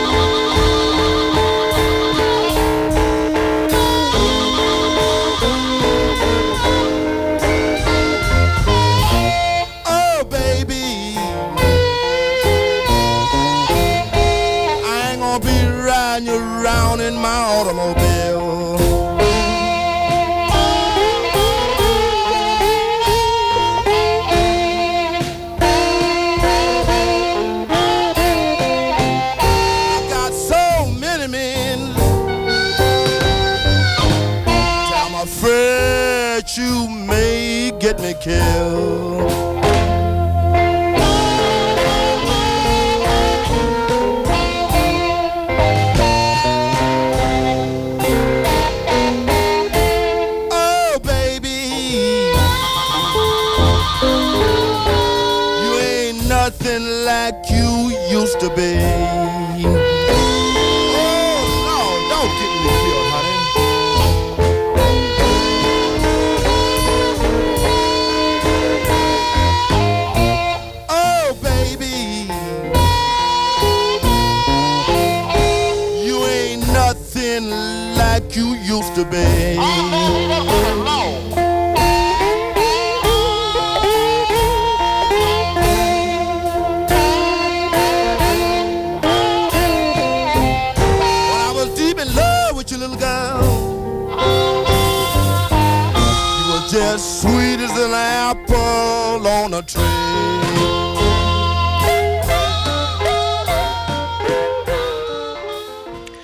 Standing Around Crying van Otis Span. Nooit meer slapen. De beroemde boekhandel Atheneum in Amsterdam aan het Spui bestaat 50 jaar geleden. Een mooi moment om eens te kijken naar het belang en de positie van de ouderwetse boekwinkel in het huidige tijdsgevricht. Vandaag doen we dat vanuit het perspectief van de schrijver en we doen dat met Geert Mak. De Amsterdam Dream was. Het was mijn allereerste boek. Een boekje. 1986 zou het zijn geweest. Dus al heel lang geleden. Ja, ik was wel heel tevreden dat het hier lag hoor. En dat er mensen ook mee wegliepen. En dat er zelfs wel over gepraat werd. Dus ik voelde me wel een baasje. Ik spreek Geert Mak voorafgaand aan de presentatie van het jubileumboek dat Joris van Kasteren in opdracht van Atheneum maakte. Een smakelijk geschreven overzicht van de soms roerige geschiedenis van de boekhandel. Getiteld Is u bekend met het alfabet? Dit boek, wat nu wat, prachtig van Joris van Kasteren, echt heel goed uitgespit. Dat zit vol met sterke verhalen over hoe ze bijvoorbeeld hier sommige personeelsleden, met name Jan Menk, die kon verschrikkelijk hard rennen. Die waren echt getraind in het uh, najagen van boekendieven. Dus dat soort verhalen lees je. Maar je leest ook verhalen over auteurs die altijd maar bleven kijken of hun boek wel goed lag. En ja, dat doet. Ik denk dat elke auteur stiekem wel even kijkt: hé, hey, hoe lig ik? En hoe lig ik bij Atheneum? Niet alleen dat het commercieel interessant is hoe je ligt, maar uh, hoe lig je in de volksgunst? Maar ik moet erbij zeggen, het personeel van Atheneum had een hele eigenzinnige smaak. Dus uh, uh, zeker in de tijd van Johan Polak, als je Steven van de Herenliefde was en er ook beeldend over kon schrijven, ja, dan lag je heel erg vooraan. En ik was wat minder van die sector, maar ik moet eerlijk zeggen, ik heb nooit te, klagen gehad. Nee. Maar of hij nou te klagen had of niet, ook bestseller-auteur Mac zelf hecht waarde aan een mooi plaatsje voor zijn boeken. Nee, ja, zeker. Niet dat hij dat ostentatief... maar kijkt alleen een half oog... Hey, gaat het allemaal nog wel goed? Dat, dat is logisch. Boeken zijn je kinderen. Dus dan, dan kijk je even hoe, het, hoe dat kindje erbij ligt. Het is iets anders en dat deden ook wel auteurs. Die gingen onmiddellijk hun uitgever bellen. Uh, ik lig niet goed. Allemaal opgewonden telefoontjes. Uh, nou, ik heb wel eens gebeld als er een boek dat goed liep... opeens niet leverbaar was. Uh, zeggen, hé, hey, wat is hier aan de hand? het boek loopt als een speer en ze verkopen het niet meer opeens. Omdat het op is. Nou ja, dat is meestal, bijna altijd een technische reden. Ik vraag Mark welke rol hij denkt dat de boekwinkel speelt in de literaire wereld. Uh, ik hou ervan deze boekhandel te beschouwen als een, als een warme plek. Uh, een ontmoetingsplaats. Boekhandels in het verleden hadden die rol ook. Je had hier vroeger in de 17e eeuw... Jan Six, waar ik over schreef, kwam daar ook de hele tijd. Lescaille, uh, op de Vijgendam. En je denkt in de 17e eeuw... die intellectuelen kwamen elkaar tegen in de Muiderkring... en in sommige sociëteiten... Ook wel, maar vooral in boekhandel Lescaille. En dit is eigenlijk de opvolger van Lescaille. En dat vind ik zo leuk. Dat altijd boekwinkels trekken mensen, ook een beetje excentrieke mensen, ook een beetje monomane mensen. En die vinden elkaar hier. En hebben een half zwijgend gesprek hier. Ja, dat vind ik fantastisch van deze plek. Kijk, het Atheneum is, is voor sommigen is het een tempel geweest. Want de mensen die hier werkten konden vroeger, tegenwoordig niet meer, maar vroeger behoorlijk arrogant zijn. De titel van dit boek is, luidt niet voor niks. Kent u het ABC wel? Hè? Zo in die trant. Maar voor mij, en ik denk voor de meeste Amsterdammers, is het gewoon, was het dorpspomp. Waar nieuws werden uitgewisseld. Uh, waar je ook heen ging uh, als er iets bijzonders was gebeurd. Hè. Uh, toen Henk Hofland overleed deze zomer, hoorde ik dat in Atheneum. En hoe treurig ik ook was, ik vond het fijn dat ik dat in Atheneum hoorde. Want dat was de plek waar hij ook altijd kwam. Dus het is ook dorpspomp van ideeën. Lezen is dromen. En dit is toch ook wel een huis vol met dromen en gebouwd op dromen. Johan Polak, de, de oprichter van dit alles, was natuurlijk een, een hele bijzondere man, maar ook een volstrekte maloot die op een buitengewoon briljante en aristocratische en hoogstaande manier een fortuin erdoor gejaagd heeft. Nog altijd is die eigenzinnige en een beetje anarchistische sfeer wel gebleven. En liggen hier echt op allerlei terreinen boeken die je elders in Nederland uh, zelden tegenkomt. Toch waarschuwt Mak voor het idee dat Atheneum onder de Nederlandse boekwinkels het hoogst haalbare en belangrijkste podium zou zijn. Dat is een groot misverstand. Dat hoort ook een beetje bij de, uh, de, deze boekhandel als tempel. Nee, de boeken worden gelezen van de meeste auteurs in Deventer en in Gorredijk. En niet door de grachtengordel. En in gebieden waar minder boekhandels in de buurt zijn, krijgt de winkel volgens Mak ook een andere rol. Ik ken echt heel wat boekhandelaren die, die hun eigen smaak daar op een hele mooie, subtiele manier etaleren en, en hun lezers sturen en zeggen: ja, die top 10 die kakelt net weg.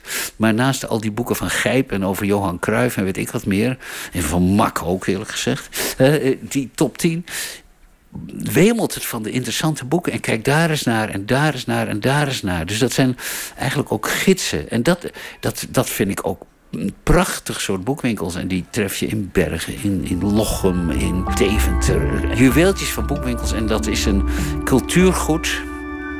wat naar mijn gevoel veel te weinig wordt erkend. Al dus schrijver Geert Mak. En ter gelegenheid van het 50-jarig jubileum van de Amsterdamse boekhandel Atheneum is er een eh, boek verschenen van Joris van Kasteren. Is u bekend met het alfabet? Carl Brummel is doorgaans eh, gitarist van My Morning Jacket. Omdat eerder zanger eh, Jim James de tijd heeft genomen voor een solo-carrière, kwam er bij hem ook wat ruimte en tijd voor vrij. En zijn plaat heet The 4th of July en een van de nummers heet In the Dark.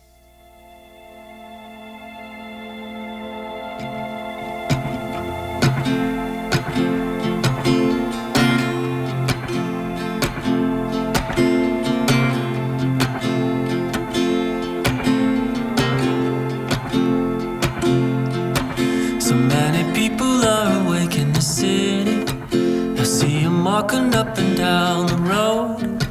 You'd think eventually they would be sleepy and try to find a quiet place to go. But there's a limited number of spaces with comfy mattresses and soft pillows. Whether your bed is just a spot on the pavement or an apartment on the 85th floor. You're gonna end every day of your life lying there dark. You're gonna end every day of your life lying there. I'm tired of writing pretty invitations to the slumber that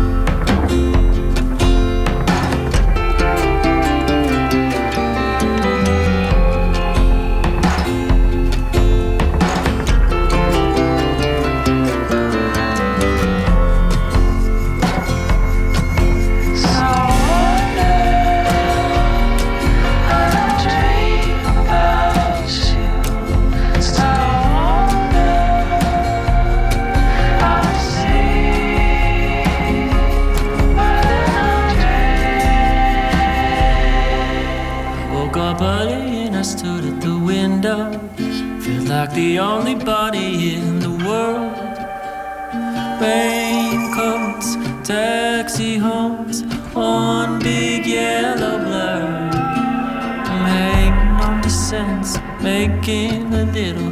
Watch me pour it down the hole. If you've got somebody or you're crawling to a bed all alone. You're gonna end every day of your life lying there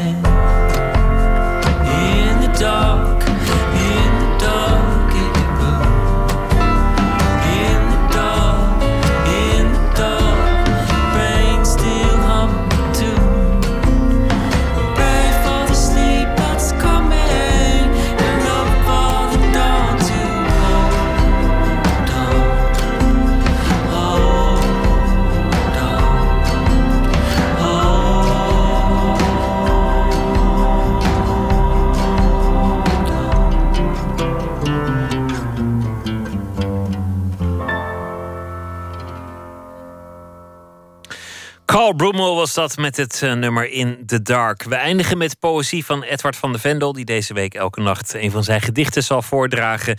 Vannacht heeft hij gekozen voor het gedicht Koffertje.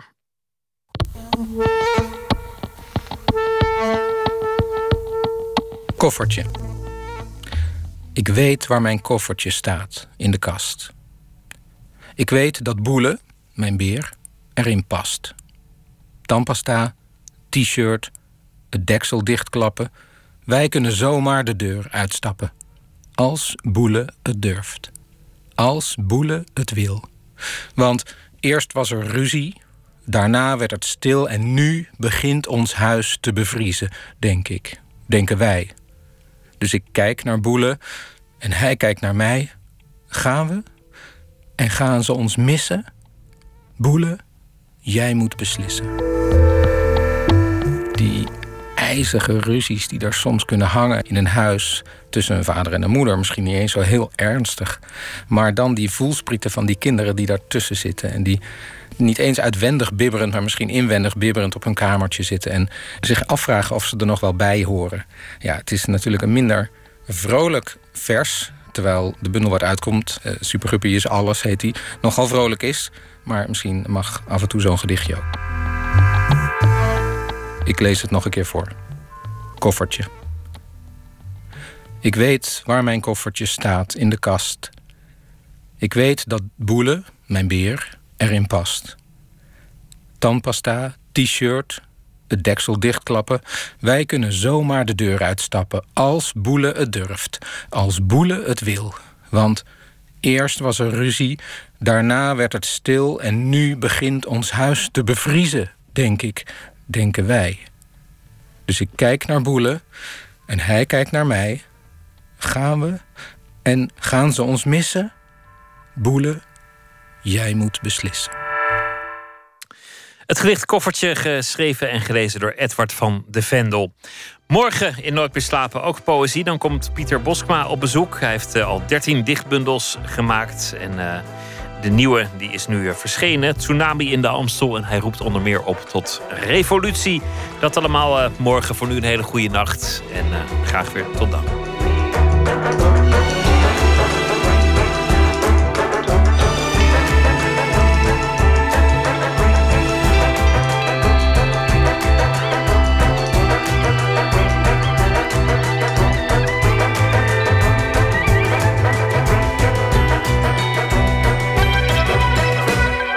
Op Radio 1, het nieuws van alle kanten.